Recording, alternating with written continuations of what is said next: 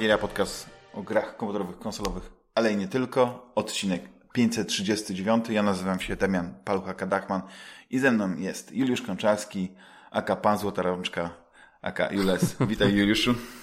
Witam, witam wszystkich, witam Ciebie Damianie, cześć, czołem. No takie y, letnie porządki, tak? Zajęłeś mm. się. Czym się zainspirowałeś? Może obejrzałeś jakieś stare filmy? Tak, dokładnie.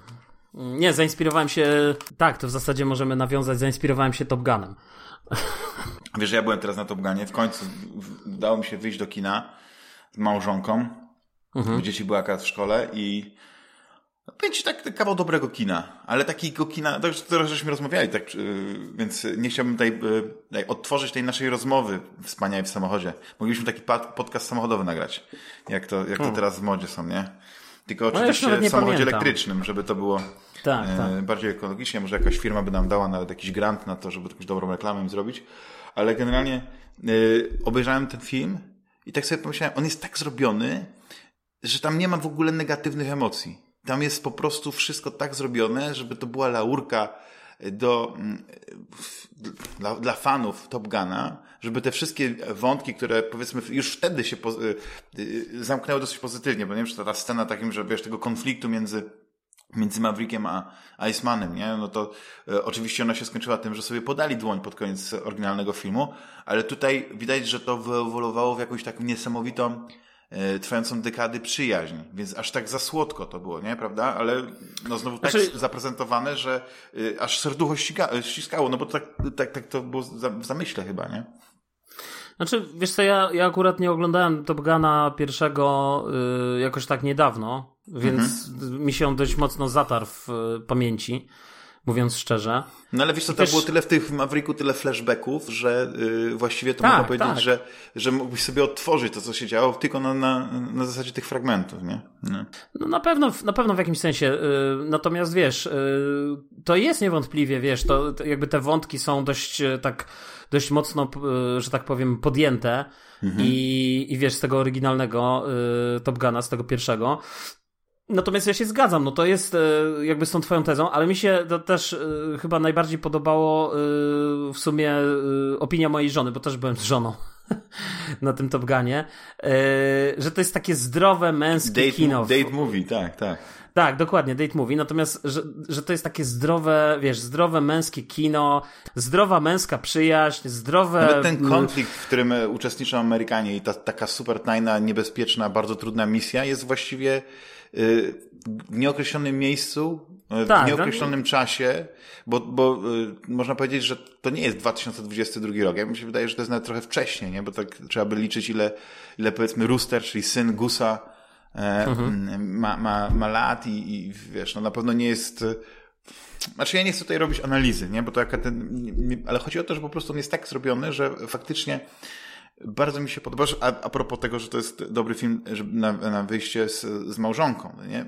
Tam kobiety mają na, na, na czym oko zawiesić, bo jak to się zwykło teraz robić, te filmy, które mają być nie remake'ami, ale taką kontynuacją po latach, prawda? Tym odcięciem po 20-30 latach, to odtwarza się pewne sceny w troszeczkę inny sposób. I w tym Top Gun Maverick, czy na przykład scena że, ale to też jest pokazane na flashbackach, nie? Że na przykład e, jak, jak Maverick patrzy przez tą szybę tak smutnie i widzi e, syna Gusa, właśnie Roostera, który wyglądając praktycznie jak ojciec, grając tą samą piosenkę na pianinie w, w, tym, w, tym, w tym barze, to to jest praktycznie jeden do jednego to, co było tam, jeśli chodzi o, o emocje i, i znaczy o, o sytuację, no ale też właśnie y, zamiast powiedzmy plażowej y, siatkówki mamy coś w rodzaju jakiegoś plażowego y, zmiksowanego futbolu amerykańskiego. No, ja, ja lubię takie rzeczy. Ja lubię takie, takie rzeczy, bo bardziej mi się to podoba, kiedy ja wiem, że to, to, to, to ma jakiś zamysł, to ma jakieś takie, to są jakieś mrugnięcia oka, niż na przykład jak już z tym niesławnym, niechlubnym przebudzeniem mocy, gdzie wszystko jest praktycznie zrobione według oryginalnego scenariusza Nowej Nadziei, tylko pewne rzeczy są tak zmienione, żebyś tracił czasami orientację. Znaczy, wiesz, bo ja myślę, że tutaj y, kluczowe y, dla, dla takiego spojrzenia na, tego, na, na ten Top Gun, kluczowe jest tak naprawdę y, to, że to jest film wyprodukowany przez y, Toma Cruza I, I to jest tak naprawdę y, jego jakby powrót taki trochę sentymentalny do myślę, ważnego z punktu widzenia jego kariery aktorskiej i takiego, wiesz, je, jego, jego takiej obecności zawodowej, ale też wydaje mi się, że tym filmem on też pokazuje, tak już zwyczajnie, to, to, to można odnieść, to jest jakby poza filmem, że że po prostu to też był dla niego w ogóle, jako dla człowieka, ważne doświadczenie, y, ten, ten pierwszy Top Gun. I to po prostu czuć w każdym elemencie tego nowego Top Gun. Mm -hmm, że jakby mm -hmm. ten film to jest taki Y, list miłosny, love letter, jak to mówią Amerykanie, y, y, Toma Hanksa, Toma Cruza. Oglądałem ostatnio kompanię braci, którą tam też Tom Hanks produkował. W każdym razie, wiesz, to jest taki, taki list miłosny Toma Cruza do, do fanów, ale też dla niego. To jest taki, wiesz, taki jego powrót do, do, do jakiegoś takiego fajnego tego. Jeszcze, jeszcze jedna ciekawa rzecz, która mi się też strasznie podoba w tym filmie. W ogóle ten, ten taki lekki wątek romansowy, Y, między właśnie Tomem Cruzem a tą, się pamiętam jak się nazywała. Y, Jennifer Connelly. Jennifer Connelly, ale nie pamiętam jak się w filmie nazywała. A, Penny, y, Penny Benjamin. Penny, no tak, Penny, Penny dokładnie. Tak. I, i, I ten wątek, wiesz, i on też jest super poprowadzony. Tam są takie fajne mrugnięcia okiem, wiesz, jak on tam się tam wykrada od niej z domu, potem trafia na tą córkę, wiesz, ta, dużo fajnych takich one-linerów gdzieś tam się pojawia, ale też mi się bardzo podobało to, że, że właśnie tam nie ma, wiesz, ta, ta scena między nimi, taka powiedzmy bardziej intymna czy erotyczna, ona jest po prostu niedopowiedziana, wiesz, ona jest tylko, jest jakieś tam ściemnienie czy coś i już, nie? Jakby nie ma, nie ma żadnego jakiegoś takiego tutaj, wiesz, epatowania mhm. jakimiś takimi zupełnie niepotrzebnymi, nic nie wnoszącymi w gruncie rzeczy do filmu y, jakby scenami i to, i to jest super, tak? Natomiast, żeby tak nie było, no to moim zdaniem najsłabsze w tym filmie jest y, ta koń... to znaczy ona jest i słaba i niesłaba, ta, ta końcówka, wiesz. Y, no tak, no to już jest taki, z, z który zabili go i uciekł. Tak. To wszystko wielkim jak, skrócie. Jakby za dużo, tak, w takim wielkim skrócie, jakby za dużo chcieli powiedzieć, nie? Że może to by był na przykład Maverick 2, w którym on gdzieś tam się przekrada, wiesz, przez, bo to nie jeden film na tym się opiera, nie? Że tak. zestrzelony pilot Ale to, gdzieś tam. No tak, no, ja czytałem właśnie różne teorie, dlaczego na przykład y, wykorzystywali F-18, na przykład nie nowsze samoloty, wiesz, że nie mogli, dlaczego akurat, y, znaczy wiesz, na przykład ta końcówka, no nie chcę tutaj za bardzo zdradzać, no nie, ale jest, y, pojawia się F-14, który mhm. moim zdaniem jest takim dla mnie to, była, to był taki samolot, który, jeden na przykład obok F-15, jeden z takich moich ulubionych amerykańskich samolotów, bo i to za ciekawe. I teraz spróbuję sobie przypomnieć, czy to faktycznie na przykład Top Gun zaszczepił mhm. we mnie tą, tą miłość do, do, e, do lotnictwa, do amerykańskich e, samolotów, nie? Do, e, wiesz, no za, za dzieciaka na pewno pamiętasz, bo jesteśmy, też tak powiem, w tym samym wieku, kleiło mhm. się samoloty. Ja do tej tak, pory no, mam, został i on jakby podróżuje za mną e, model F-15, który skleiłem e, dawno, dawno temu i ja po prostu, wiesz, dla mnie to jest, to są kosmiczne maszyny, to są, to jest coś niesamowitego, ja uwielbiam je. I tu mamy film, który jak najwięcej, jak mogli, zrobili dzięki normalnym, praktycznym efektom, jak to się ładnie mówi, ja próbuję tak to przełożyć, ale tam nie było praktycznie w ogóle efektów komputerowych, jeśli nie były potrzebne. I te no wszystkie to, to manewry, też, te wszystkie latające samoloty sfilmowane były, y, wiesz, faktycznie y, to, te samoloty tam latały. Tam nie było żadnego takiego pójścia na łatwiznę i to mi się strasznie, strasznie podobało. No, znaczy, powiem tak, jeśli chodzi o, o Penny, to ja się z różnymi opiniami spotkałem, nawet z takimi opiniami, że tam może między, między y, Jennifer Connelly a Tomem Cruise'em nie było chemii, więc ta postać tak średnio wypadają. Poza tym jednak Kelly McGillis dużo ciekawszą postać stworzyła. I ten, i ten związek, ten romans w, w pierwszym Top Gunie między, między wiesz, tą poważną instruktorką w szkole Top Gun, a tym takim mhm. y, szczeniackim cwaniaczkiem, jak to powiedzieć, no nie, takim, y, no, na pewno z niesamowitym talentem człowiekiem, no ale jednak, y, wiesz, no, y, gdzieś tam to było takiego, tam była taka ciekawsza iskra, wiesz, i tam y, te, te niezapomniane sceny, które powiedzmy tu w Top Gunie są odtwarzane, tam miały jakby większy impact, nie? Że tam kwestia gdzieś jazdy, ścigania się samolotami na motocyklu, nie? I tak dalej, i tak dalej. E, to, co później na przykład było fajnie parodiowane w Hot Shots, nie? To pokazywało, jak, jak te sceny y, do popkultury przeszły, że można było je później e, nie, tak, no tak. Tak, tak, jasno do nich nawiązywać, no nie? I wszyscy wiedzą, o co chodzi. Zresztą Hot Shots to, jest parodia wielu filmów, ale y, między innymi też, y, też Top Gun. Zresztą w ogóle to jest kapitalny film i mi się bardzo podobał i ja e, e, jestem zaskoczony, że, e, że zrobili takie, takie kino, gdzie nie wiem jak to powiedzieć, nie? że tak e, nie próbowano właśnie tu nikomu nie słodzić, też nie powinno zagłaskiwać, nie? że jednak y, już taka, y, taka, taka przyjaźń czysta, w takiej czystej formie jest ważna i to tak jakoś tak fajnie Ja myślę, wyglądało. że to jest, wiesz, ja myślę, że to jest właśnie chyba najcenniejsze w tym filmie.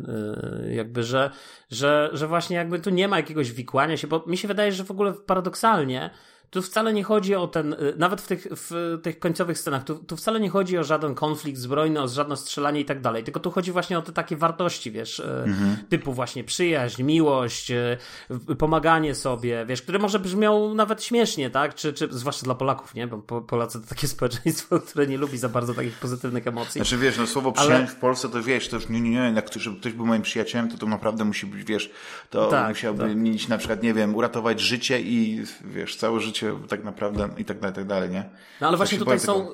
Ale tutaj właśnie, tak, tak, a tutaj są właśnie, ja myślę, że właśnie tak jak też mówisz i też to mi się podobało, że ten film jest taki, yy, taki pozytywny ogólnie. I z jednej strony to może, to jest takie amerykańskie, można powiedzieć trochę, e, czy, czy e, e, wiesz, kulturowo, a z drugiej strony myślę, że to jest jednak w sumie istotne, bo tak naprawdę w ogólnym rozrachunku szkoda czasu, wiesz, na, na te wszystkie jakby negatywne emocje i, i, i jakieś negatywy, nie? Szkoda po tak, prostu tak. się tym. Wiesz, to jest najciekawsze, wiesz, że ten film tak się dobrze sprzedał, tyle zarobił, nie wiem, czy, czy to kwestia tak, no, nostalgii no, i tak dalej, że Y, ja się zastanawiam, czy, czy nie zrobią powiedzmy kolejnej części. Oczywiście nie za rok, nie za dwa, bo teraz y, y, Tom Cruise jest skoncentrowany na, na Mission Impossible, które zostało podzielone na dwie części, co ja nie lubię akurat, no ale z drugiej strony to powiedzmy dwa razy dłuższy film to będzie. Nie? I, znaczy wiesz, okay. jeszcze jedną rzecz chciałem taką fajną powiedzieć, która też, bo ten film, on nie tylko mhm. mówi o tych wartościach, jakby wiesz, w, w taki sposób mm, na papierze czy, czy w taki sposób, wiesz, e, konstrukt, e, kultu, e, że tak powiem, kulturalny, tak? Jakby tekst kultury, który ma takie wartości nieść ze sobą.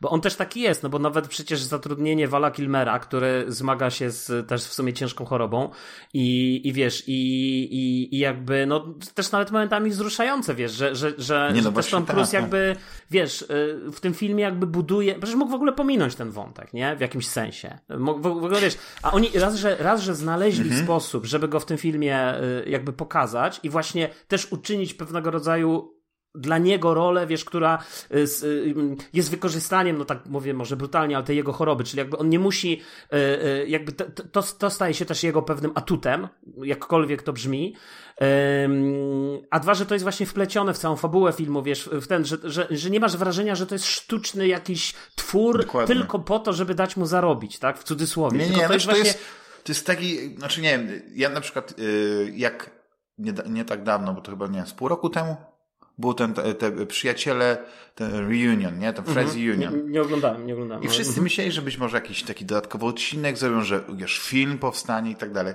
Ale tak naprawdę oni, oni szczerze mówiąc nie chcieli tego zrobić, tylko po prostu nagle pojawiły się bardzo duże pieniądze.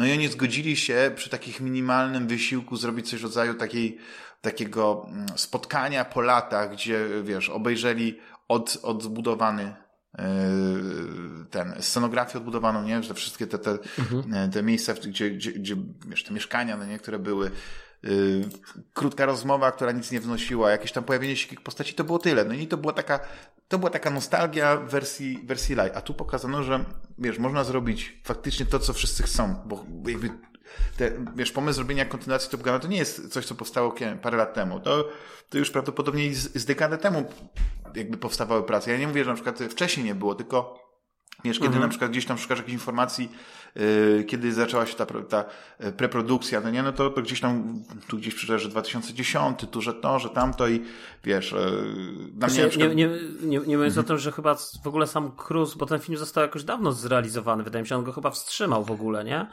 No, bo prawdopodobnie kręcone podczas, podczas pandemii, czyli jak to się mówi, wiesz, podczas bubble. Czy, czy, czy nawet chwilę przed tą pandemią. Tak, jakby tak. Został, no. I został, jakby wstrzymali tą premierę. Także no, do, no dokładnie, więc to jest ciężko. Wiesz, ja teraz niedawno oglądałem sobie z, wiesz, dodatki do, do filmu Uncharted i tam opowiadali, jak e, mieli produkcję filmu e, mhm. zaplanowaną na chyba na marzec 16 czy coś takiego 2020 roku, nie? A dwa dni wcześniej po prostu e, lockdown, blokada, wiesz, cały świat się zamyka, znaczy cały świat, no cały, powiedzmy ten zachodni świat, nie? Zamyka się i nagle, wiesz, wszystko stanęło na głowie i, i cała produkcja przesunęła się o, o tam chyba 3-4 miesiące, kiedy zaczęto ustalać jakieś procedury, jak mimo tych obostrzeń, wiesz, kręcić film. Zresztą w ogóle jest y, bardzo dobra komedia y, Juda Apatoa, Bubble na Netflixie, która po prostu parodiuje całą tą, y, zresztą ona jest taką gorzką komedią, bo to jest taki od, od takiego entuzjazmu, że ludzie się cieszą, że mogą kręcić film i że wiesz, jest to bubble, nie? czyli mhm. wiesz, cała ta procedura, jak się powiedzmy izolują, a później, kiedy się wszystko przyciąga, tam jest taki, wiesz, nie wiem, czy mogę użyć takiego słowa, apoteoza szaleństwa. Po prostu, co, co się z tymi z mózgami tych ludzi dzieje w tym zamknięciu i tak dalej, ale wiesz, że to jest, y, y, to jest, znaczy to w ogóle y, o Bubble to może byśmy taki osobny podcast znaleźć, ale ja się bardzo cieszę, że w ogóle na przykład w produkcję był zaangażowany, wiesz, Jerry Bruckheimer, nie, bo ja bardzo lubię jego filmy, znaczy filmy, które on produkuje. Do tego udało się naprawdę bardzo fajną obsadę zebrać. Bo mhm. niektóre to postacie tam się pojawiają tylko na chwilę, na przykład Ed Harris, ale na przykład John Hamm, którego bardzo lubię, wiesz, ma dosyć znaczącą rolę, więc no, nie wiem, dla mnie to jest, to jest bardzo dobre kino, bardzo dobry film.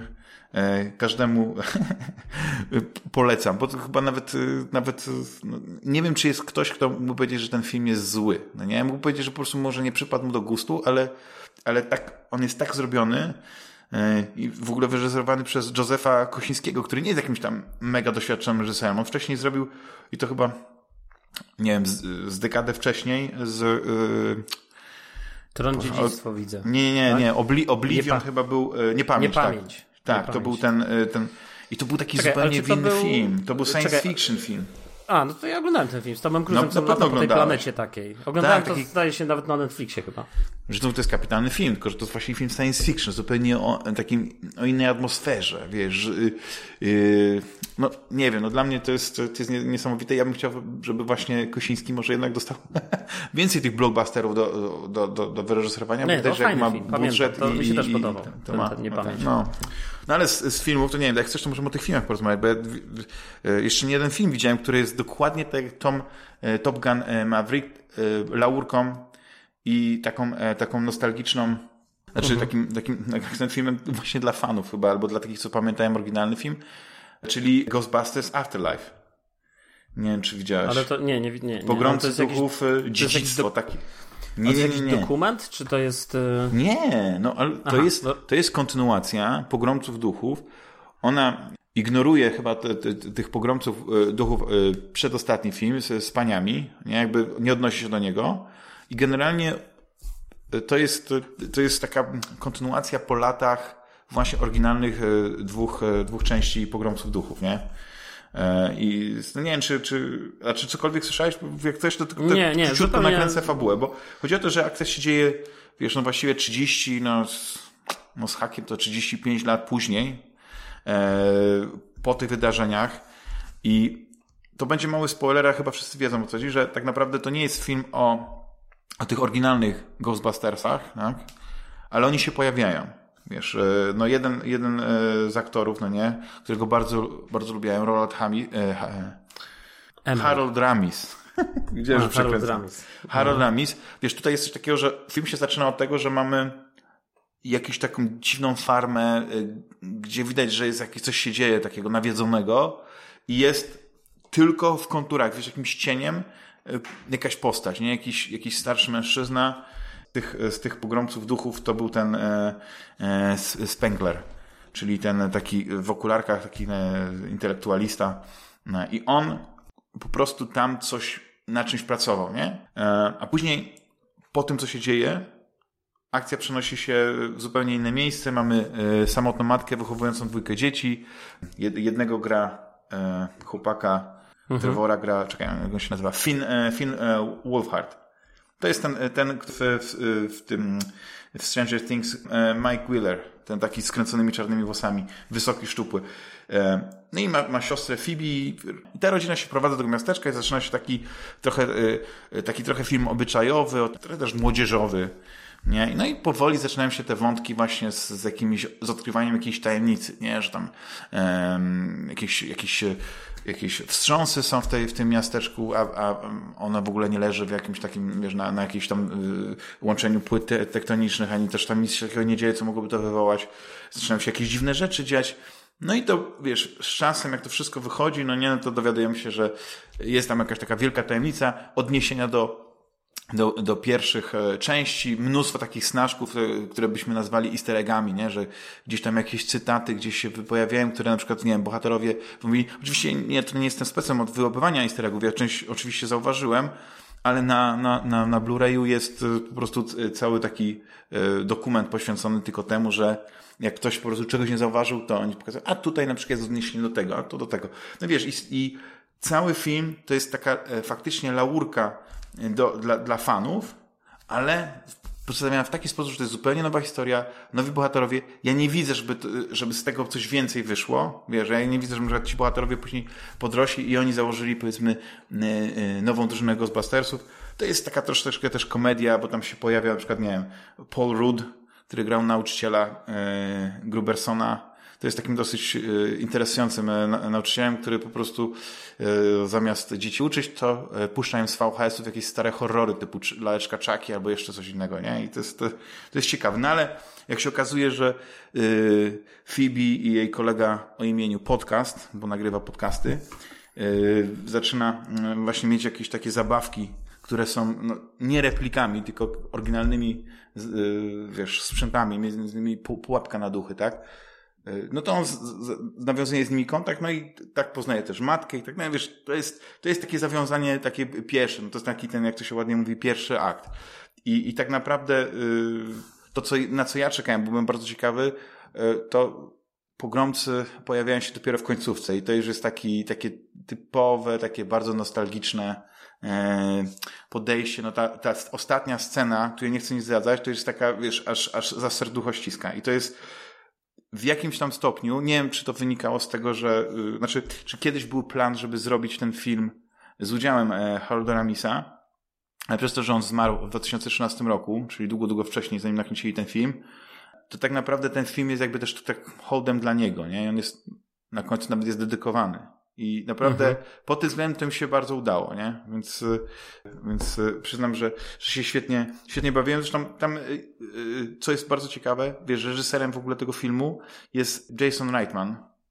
I to jest syn oryginalnego reżysera, e, Iwana, albo Iwana Reitmana, e, który wyreżyserował, e, wiesz, pierwszą, drugą część Pogrącą Ducha. Więc to jest jakby, wiesz, wszystko zostaje w rodzinie.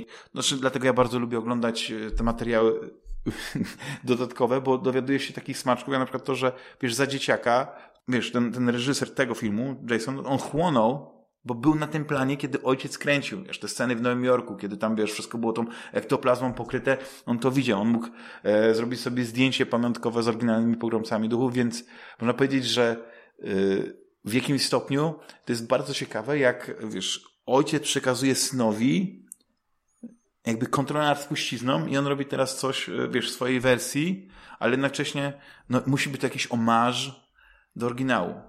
Bo mhm. wiesz, ta, ta znienawidzona część poprzednia e, Ghostbustersów z, z paniami, ona była zrobiona na formułę tego oryginalnego, E, oglądać pokazówce, bo, wszystkie te dziewczyny, to one, one na przykład e, są z Saturday Night Live, nie? Też są komiczkami. Wiesz, zanim, zanim wszyscy ci panowie, no nie, jak, jak yy, na przykład, nie wiem, Bill, Bill Murray, zostali słynnymi aktorami, no to wcześniej oni byli po prostu słynnymi komikami, tak samo jak Dan Aykroyd w Saturday Night Live, nie? No, no ale to jest, to jest takie nawiązanie, że trochę, trochę za długo o tym mówię, ale powiem tam, że jeśli ktoś nie ma zbyt dużych oczekiwań, ale chciałby po prostu y, jakąś taką nutkę nostalgii poczuć, to powinien zobaczyć pogromców ducha. Nie powinien się sugerować y, y, dziedzictwo, nie powinien się sugerować tym, że po prostu tej magii oryginału wydobyć, nie, jakby to powiedzieć, jakby od, odbudować, nie przywrócić, nie, bo to jest, to jest zupełnie coś innego. To jest film, który w kilku elementach nawiązuje, jest mnóstwo smaczków, jakichś rekwizytów, które się pojawiają, ale to jest film od początku do końca napisany od nowa, znaczy historia. Tam, tam, tam nie, nie rekonstruuje się jakichś scen z, z oryginalnych pogromców Akcja się nie dzieje w Nowym Jorku. Ale końcówka jest bardzo podobna, e, jeśli chodzi o, o tego złego. No ale to już, to już tyle, no nie? Więc polecam też właściwie, mogę powiedzieć, pogromców duchów yy, dziedzictwo. No. Ja niestety nie oglądałem, więc ciężko mi wejść w polemikę.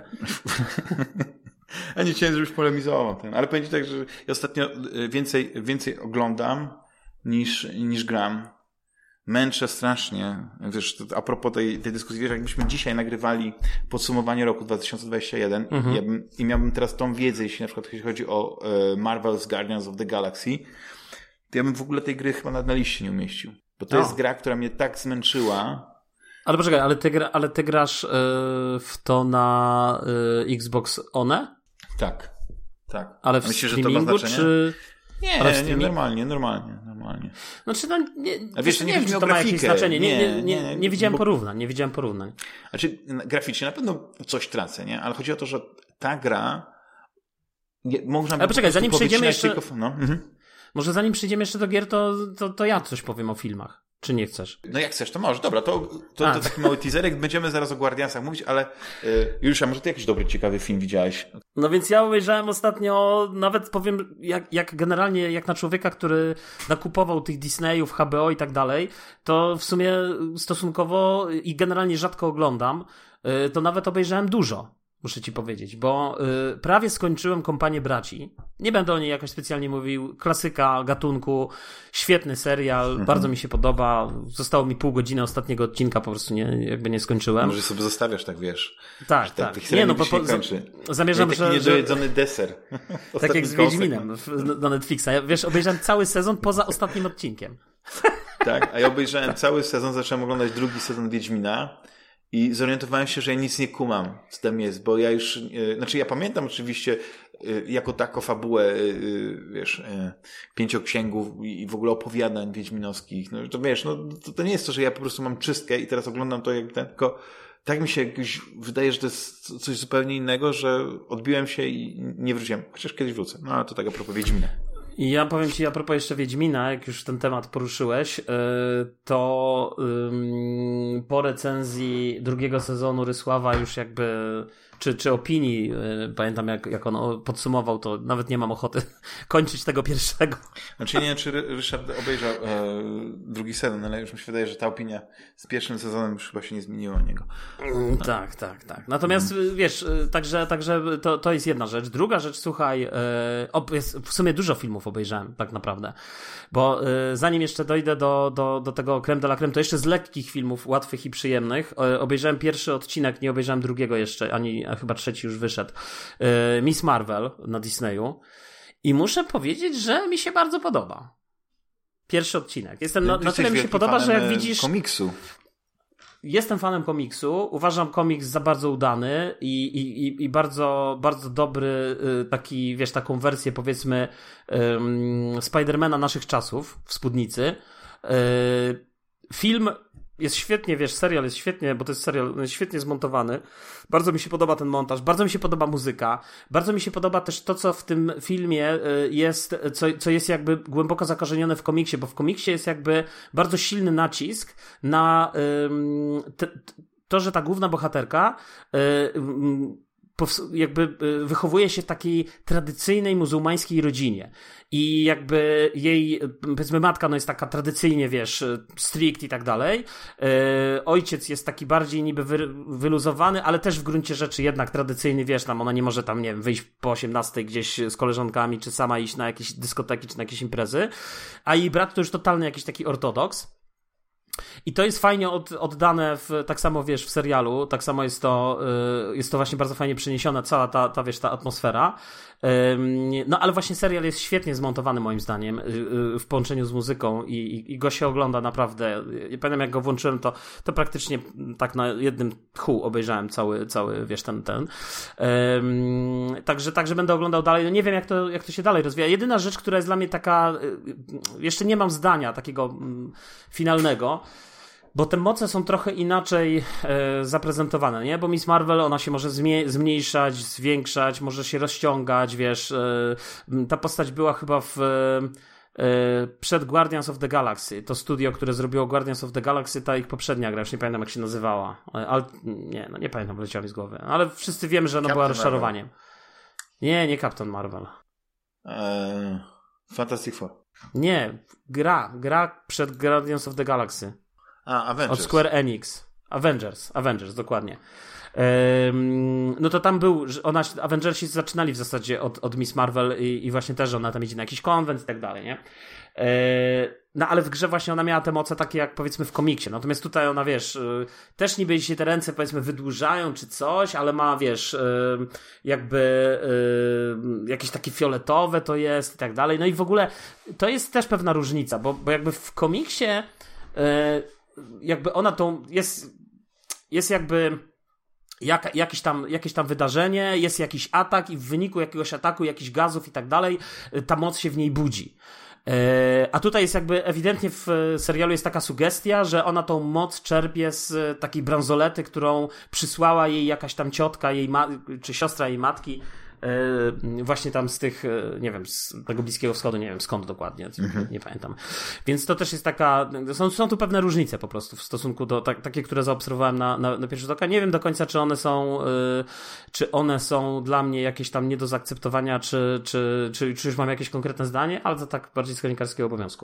Obejrzałem jeszcze, słuchaj, bardzo chciałem dawno temu obejrzeć, e, obejrzeć taki film Słoń e, Gusa Van Santa takiego amerykańskiego reżysera, na temat tej, nie wiem, czy widziałeś ten film w końcu, czy nie? Nie obejrzałeś. Ale on jest na, na Disneyu, czy na HBO Max? Nie, on jest na HBO Max. On jest na HBO Max. Natomiast to jest stary, ale wiesz, to jest stary film, nie wiem, z 2000 któregoś roku. To jest, to jest film o, o tej strzelaninie w Columbine, natomiast on nie jest de facto o tej strzelaninie, on, on jakby, on się mocno inspiruje do tego stopnia, że w zasadzie można odnieść wrażenie, że to jest jakby ta strzelanina, tak, że to jest jakby e, film o tym, ale to nie jest film o tym, to znaczy to jest film, e, on nawet nie próbuje w jakimś sensie być, wiesz, takim zapisem takim zapisem fabularyzowanym tego, co się wydarzyło, tak? Tylko stawia bardziej takie mm, ciekawe pytania, nie? I, i, i wiesz, w ogóle o taką istotę jakiegoś tam zła i tak dalej, nie? Natomiast, yy, natomiast generalnie film jest bardzo ciekawy, bo, bo występuje w nim, yy, występują w nim praktycznie amatorzy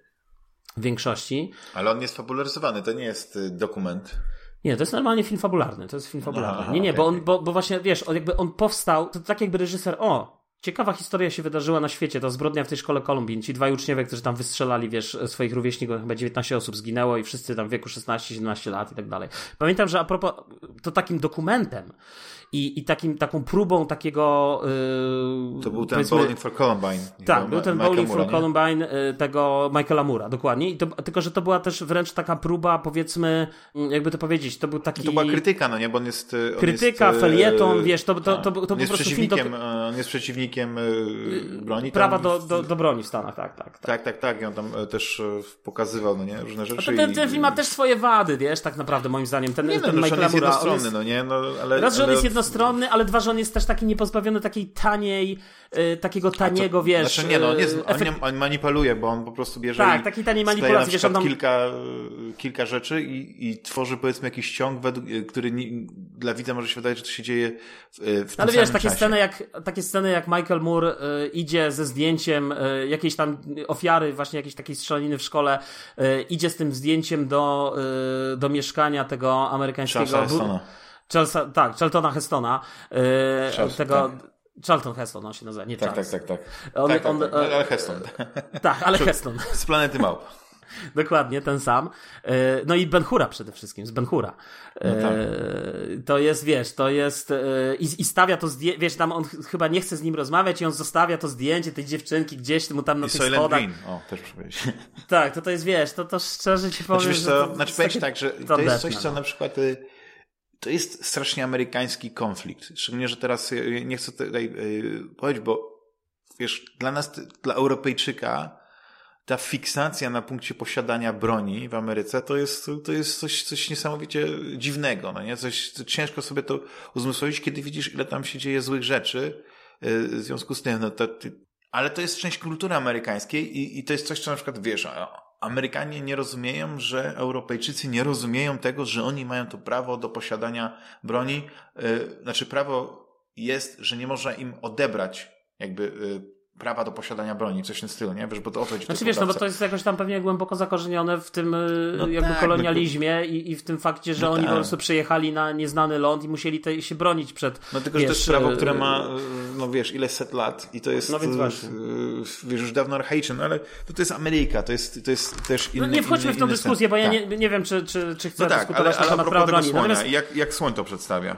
Natomiast Słoń, właśnie, on, moim zdaniem to nie jest film o, o tej strzelaninie i to nie jest film o, właśnie o, o tej dyskusji. Pewnie gdzieś też, bo, bo jakby trudno uciec od tego, skoro film ewidentnie się inspiruje, wiesz, tymi, tymi wydarzeniami. Ale co jest niesamowite w tym filmie, to jest w ogóle ta, ta finalna scena, kiedy, kiedy oni zaczynają tam chodzić po tej szkole. Ona jest kapitalnie w ogóle sfotografowana, y, te, te sceny są kapitalnie sfotografowane, bo jest dużo ujęć wiesz, jakby nie masz ujęć, w których widzisz, jak oni tam kogoś zabijają. Oczywiście tam padają, trafiają, ale bardzo często jednak y, to wszystko jest na dużych zbliżeniach. Bardziej są pokazywane twarze yy, zarówno ofiar, jak i tych sprawców. Yy, bardziej jest, wiesz, na takim detalu. Yy, I film myślę, że przede wszystkim, wiesz, stawia takie ciekawe pytania w ogóle o, o no bo on pokazuje tych młodych ludzi, różnych i tych, którzy przeżyją, i tych, którzy nie przeżyli tej, tych, tych wszystkich zdarzeń, łącznie ze sprawcami z jednej strony jako ludzi młodych, wrażliwych, wiesz, yy, i oni są do siebie wszyscy bardzo w gruncie rzeczy podobni, jedni i drudzy. I też na przykład, wiesz, film się zaczyna od takiej sceny, jak jeden z tych uczniów idzie do, do, do szkoły rano, a jego ojciec jedzie pijany samochodem i wiesz, i ociera się o wszystkie lokalne samochody i tak dalej. On w końcu go zatrzymuje, yy, wsiada do tego samochodu, yy, odwozi tego ojca do, do jak w szkole gdzieś tam go zostawia, czy, czy yy, do jakiegoś znajomego, już nie pamiętam w tej chwili gdzie, chyba w tej szkole go gdzieś tam prosi, żeby on tam czekał w, tym, w tej szkole w, czy, czy, czy, w tym samochodzie, e, dzwoni do jakiegoś tam wujka i ten wujek ma tego ojca odebrać, sam się spóźnia do szkoły, wiesz, idzie tam do jakiegoś, już tak streszczam trochę, tak, ale chodzi o to, że y, zostaje tam wezwany na ten dywanik do, do tego dyrektora. Ta scena też jest bardzo ciekawa, bo ten, bo wcale nie jest pokazana, jak ten dyrektor mu suszy głowę, tylko jest cięcie, potem kamera przechodzi na inną postać. Dużo jest takiego, wiesz, że kamera podąża za jedną postacią, a potem te same sceny widzimy z różnych perspektyw, bo widzimy na przykład z tej postaci, która kilka minut wcześniej widzieliśmy, aha, że ona w kadrze gdzieś tam przechodziła, to za jakiś czas oglądamy to samo ujęcie, jest jakiś taki zwrot fabularny i widzimy, taki narracyjny, który widzimy, że, że obserwujemy to samo wydarzenie z perspektywy jakiejś, wiesz, mamy oczywiście szkołę, mamy takie y, głupiutkie dziewczyny, mamy te dziewczyny takie, powiedzmy, y, czy dziewczyny, y, uczniów, którzy y, y, nad którymi się znęcają, mamy tych uczniów takich bardziej zdolnych, mamy tych futbolistów i tak dalej, i tak dalej, wiesz, różne, to, taki miks w ogóle środowiskowy. Bardzo ciekawy film, bardzo mi się podobał w ogólnym rozrachunku. Takie dość e, interesujące kino, wiesz, e, stawiające wiele, wiele takich ciekawych pytań i, i zostawia, jakby właśnie to, co mi się najbardziej w tym filmie podobało, to, że ten film nie daje ci jednoznacznej odpowiedzi, wiesz. On, on, on po prostu zostawia otwarte pytania i tak naprawdę widz sam sobie na te pytania odpowiada. No ale to jest pytanie teraz, wiesz, znaczy żyjemy w czasach, gdzie po prostu z jednej strony y, mówi się o tej przemocy y, która jest, nie? A z drugiej strony ta przemoc w filmach, którą to filmy epatują, no, no wiesz, amerykańscy bogowie na przykład, czy, czy chyba te, te, no, chyba ten Norseman, czy Wikingowie, nie jak się nazywał ten, ten mm -hmm, ostatni Viking. film o Wikingach, że to są, to są strasznie brutalne, krwawe filmy.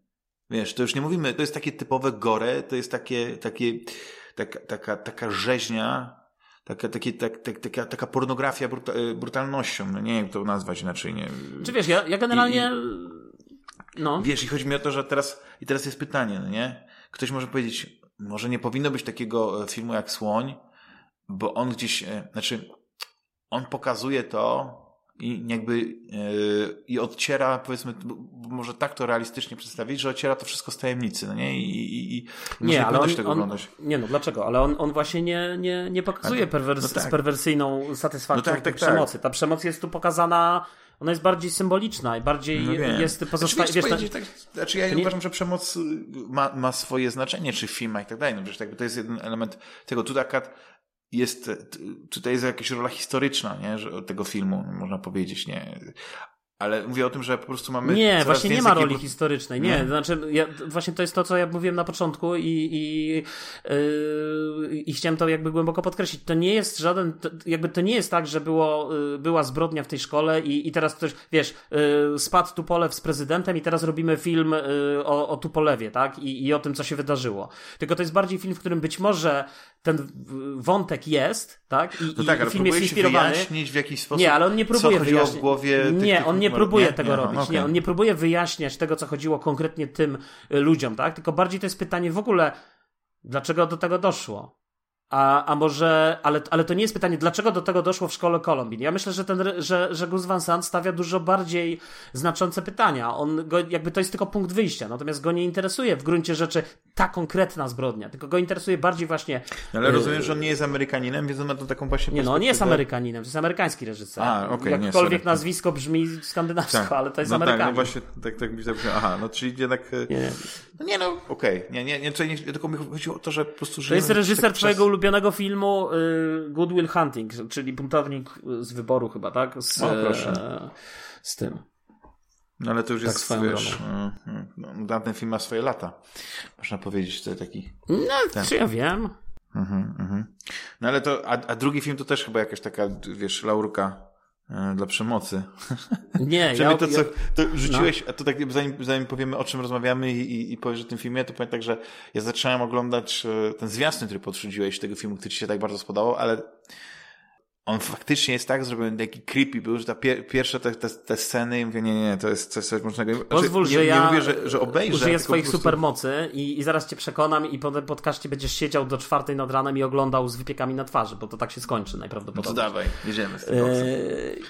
Co to za ja film? po prostu, y, to jest, to jest film y, Dom, który zbudował Jack, y, Larsa von Trier'a. Triera, Trira, nie wiem, ja mówię Lars von Trier, nie interesuje mnie to, jak, jak, jak, czy to jest źle, czy to nie jest dobrze, nie wiem jak. Nie, nie, Zależy, który tir. Pierwszy, drugi, Dokładnie. trzeci. Wiesz, dla mnie Lars von Trier to jest taki reżyser, yy, oczywiście to jest reżyser mający już konkretną pozycję w świecie filmowym, przez niektórych uważany za geniusza, przez innych za całkowitego hochsztaplera i tak dalej. Y, twórca słynnych idiotów, czyli wiesz, manifestu dogmy, on się potem od tego manifestu odcinał, potem się jednak nie odcinał, potem w sumie robił nowe wersje tych manifestów i już to się i tak dalej. Y, mi się idioci nigdy nie podobali. Ja w ogóle nie, tych, tych wiesz, tańcząc w ciemnościach słynny film y, z, z Bjork, z tą, z tą wokalistką, którą ponoć strasznie wykończył psychicznie na planie. Natomiast ja też nie byłem fanem, wiesz, nigdy, nigdy nie oglądałem. Natomiast jedyny film, który e, na mnie zrobił rzeczywiście kolosalne wrażenie i który uważam za absolutnie... Niech zgadnę, wy... zanim powiesz. No zgadnij. Dogville. No bo to wiedziałeś, bo ja to ci powiedziałem chyba. Mm, może Kiedyś. wiedziałem, może intuicja. Tak, natomiast e, dla mnie to był, to był Dogville. To był rzeczywiście, to, to jest moim zdaniem arcydzieło. I, i, i to jest taki film mistrzowski. E, później byłem, pamiętam, w kinie na Antychryście, ale to jakoś nie wiem, chciałbym chętnie wrócić, wiesz, do tego Antychrysta, ale nigdzie go nie ma w żadnym streamingu. Yy, nie wiem, czy on jest może wyklęty w ogóle. Może już jest, wiesz, wśród tych awangardowych filmów e, Lansa von Triera, to ten już jest tak awangardowy, że już po prostu nie można było go już nie można go pokazać nigdzie. Znaczy, wiesz, on jest... VHS z, z, tym filmem to jakieś niebotyczne ceny na czarnym rynku osiągają. Ale on jest sprzed, ale on już nie był na kasetach VHS, bo on jest sprzed 12 chyba lat, czy 10, no jakoś to tak. płyty DVD z 2009 roku. To płyty no, DVD widzę, po tak. prostu z tym filmem yy, to jest ten.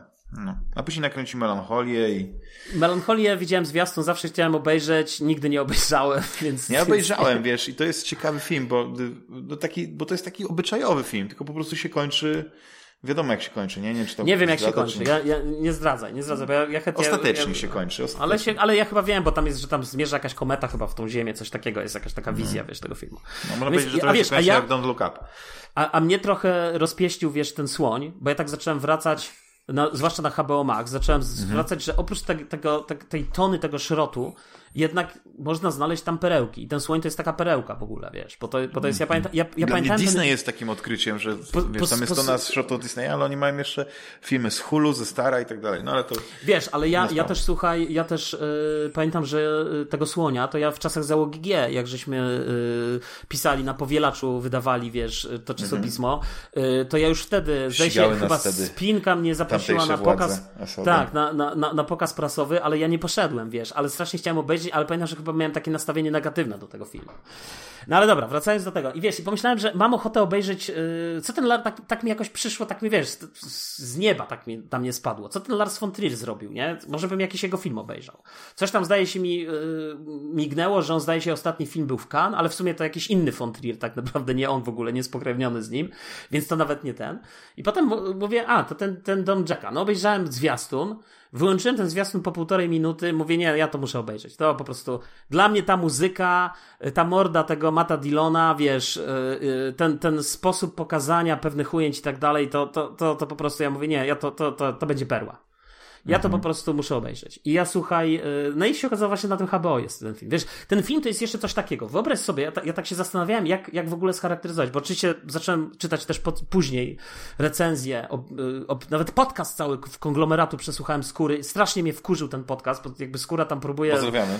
Tak, pozdrawiamy. Nie. On próbuje coś tam y, y, powiedzieć, wiesz, o tym filmie, ale zaprosił takiego gościa, który jest totalnie negatywnie od początku w ogóle do końca do tego Fontriera nastawiony i tylko zagaduje tego biednego skórę tymi swoimi, wiesz, y, drydymałami, tak jak ja ciebie mniej więcej, tylko że ty nie widziałeś, więc, więc w no sumie... No tak, tak, ale ja sobie zaraz włączę Wikipedię i będę tutaj sypał tak, anegdotami jak, jak zawodowiec i będę jak, też korygował jak e, błędy, jak będziesz na przykład się mówił, że coś Dobrze. się nie zgadza. Ja powiem tak, wyobraź sobie taką sytuację, że jedziesz z żoną na wakacje, Um, mhm, I spotykasz, tak. jesteś w Paryżu, jest wieża Eiffla, mówisz sobie, już macie robić sobie y, zdjęcie na tle tej wieży Eiffla. Selficzki, tak? Nie, właśnie nie selficzki. Chcecie, żeby ktoś wam zrobił a, to zdjęcie. Nie, I spotykacie. A, kochanie, nie będziemy robić samojebek. Nie, poproszę tutaj tego uczciwego człowieka, żeby nie, nam teraz i nagle się okazuje, że ten uczciwy człowiek, którego poprosiłeś, to jest twój stary znajomy. To jest twój, twój kumpel, który, którego znasz, nie wiem, chodziłeś z nim do szkoły, to jest twój dobry przyjaciel, dobrze się dogadujecie i tak dalej, ale też się tak składa przez totalny przypadek, stary, że go nie że pamiętasz. Nie, że to jest artysta fotografik, stary. Że to, że to jest gość, który, tak jak ty, zarabiasz na życie nagrywając Aha. fantasmagierię. Żona nie wie. Żona nie wie nie, tego. żona wszystko wie. Słuchaj, tak jak ty za zarabiasz na życie nagrywając fantasmagierię, no tak Właśnie on, chciałem słuchaj, powiedzieć, że, że zarabia... ciężko jest. tak, on zarabia, no to była taka ironia. Yy, Przypomnij puszczam... mi, żebym był kącik organizacyjny na końcu. Dokładnie. Więc, więc yy, tak on, słuchaj, zarabia... Yy, robiąc fantastyczne zdjęcia, wystawiając je w galeriach sztuki, wiesz, no to jest po prostu uznany artysta. I, I zrobić takie uzna... ładne zdjęcie na tle wieży Eiffla. I ty tego, tego swojego przyjaciela, artystę prosisz, ale nie prosisz go, żeby on ci zrobił arcydzieło, tylko akurat tak się składa, że twój kumpel, artysta jest tutaj obok, bierze ten aparat od ciebie, bo oczywiście swoim przyjacielem i mówi, stary, nie ma problemu. Cyka ci to zdjęcie tak jakby cyknął, tak to wygląda, tak jakby cyknął ci stary to zdjęcie każdy inny facet, którego spotkałeś. A tu wiesz, zostawiasz go, słuchaj, Woga. Słuchaj, ty go zostawiasz do tego, do, do, y, żegnacie się, wracacie, za parę lat przeglądacie sobie zdjęcia z tego Paryża. O, to jest to zdjęcie. I patrzysz z żoną i mówisz, arcydzieło, to jest zdjęcie do galerii sztuki. To jest po prostu, jak on to zrobił. Rozumiesz, jak on to zrobił? I taki, i słuchaj, i taki... A jest to zdjęcie na... pokazane? Jest, nie? Czy, nie, bo to jest moja anegdota, stary, to, to jest, teraz wracam. To jest właśnie tak, yy, John, dom, który zbudował Jack, Aha. To jest takie mistrzostwo, wiesz, to jest taki geniusz kina, najwybitny reżyser. On po prostu sobie, tak jak to zdjęcie tobie Ale by to zrobił... Po prostu przeszedł koło scenariusza, wziął ten scenariusz, rzucił nim o ziemię, i zrobił nie, z tego świetny nie, film. Nie, nie, to jest, ja właśnie mówię coś innego. Ja właśnie mówię tak jakby prawdziwy geniusz i prawdziwy artysta stary, tak od niechcenia bierze kamerę i robi film i po prostu to jest, klękasz stary. Patrzysz na to, krytycy wszyscy klękają, arcydzieło stary. Absolutne arcydzieło. No to zaskoczyłeś mnie to I słuchaj, to dla mnie... Myślałem, że opowiadasz fabułę słuchaj, filmu i ja się Nie, nie, to jest, nie, to nie jest Oglądałbym ten film, to bez dwóch zdań. Jakby się ten, później okazało, że ten... ten artysta jest później seryjnym mordercą. To... Nie, słuchaj, i to jest jakby, to, to jeszcze tak ogólnie tu cały czas mówię. Ten film, słuchaj, to jest po prostu ma maestria, maestria reżyserska, operatorska, aktorska, scenariopisarska. Stary, w tym filmie nie ma niepotrzebnej sceny. To wszystko i to się samo tak nakręca, nabudowuje, nie? I teraz jak to oglądasz, słuchaj, to jest, bo oczywiście to jest historia yy, seryjnego mordercy.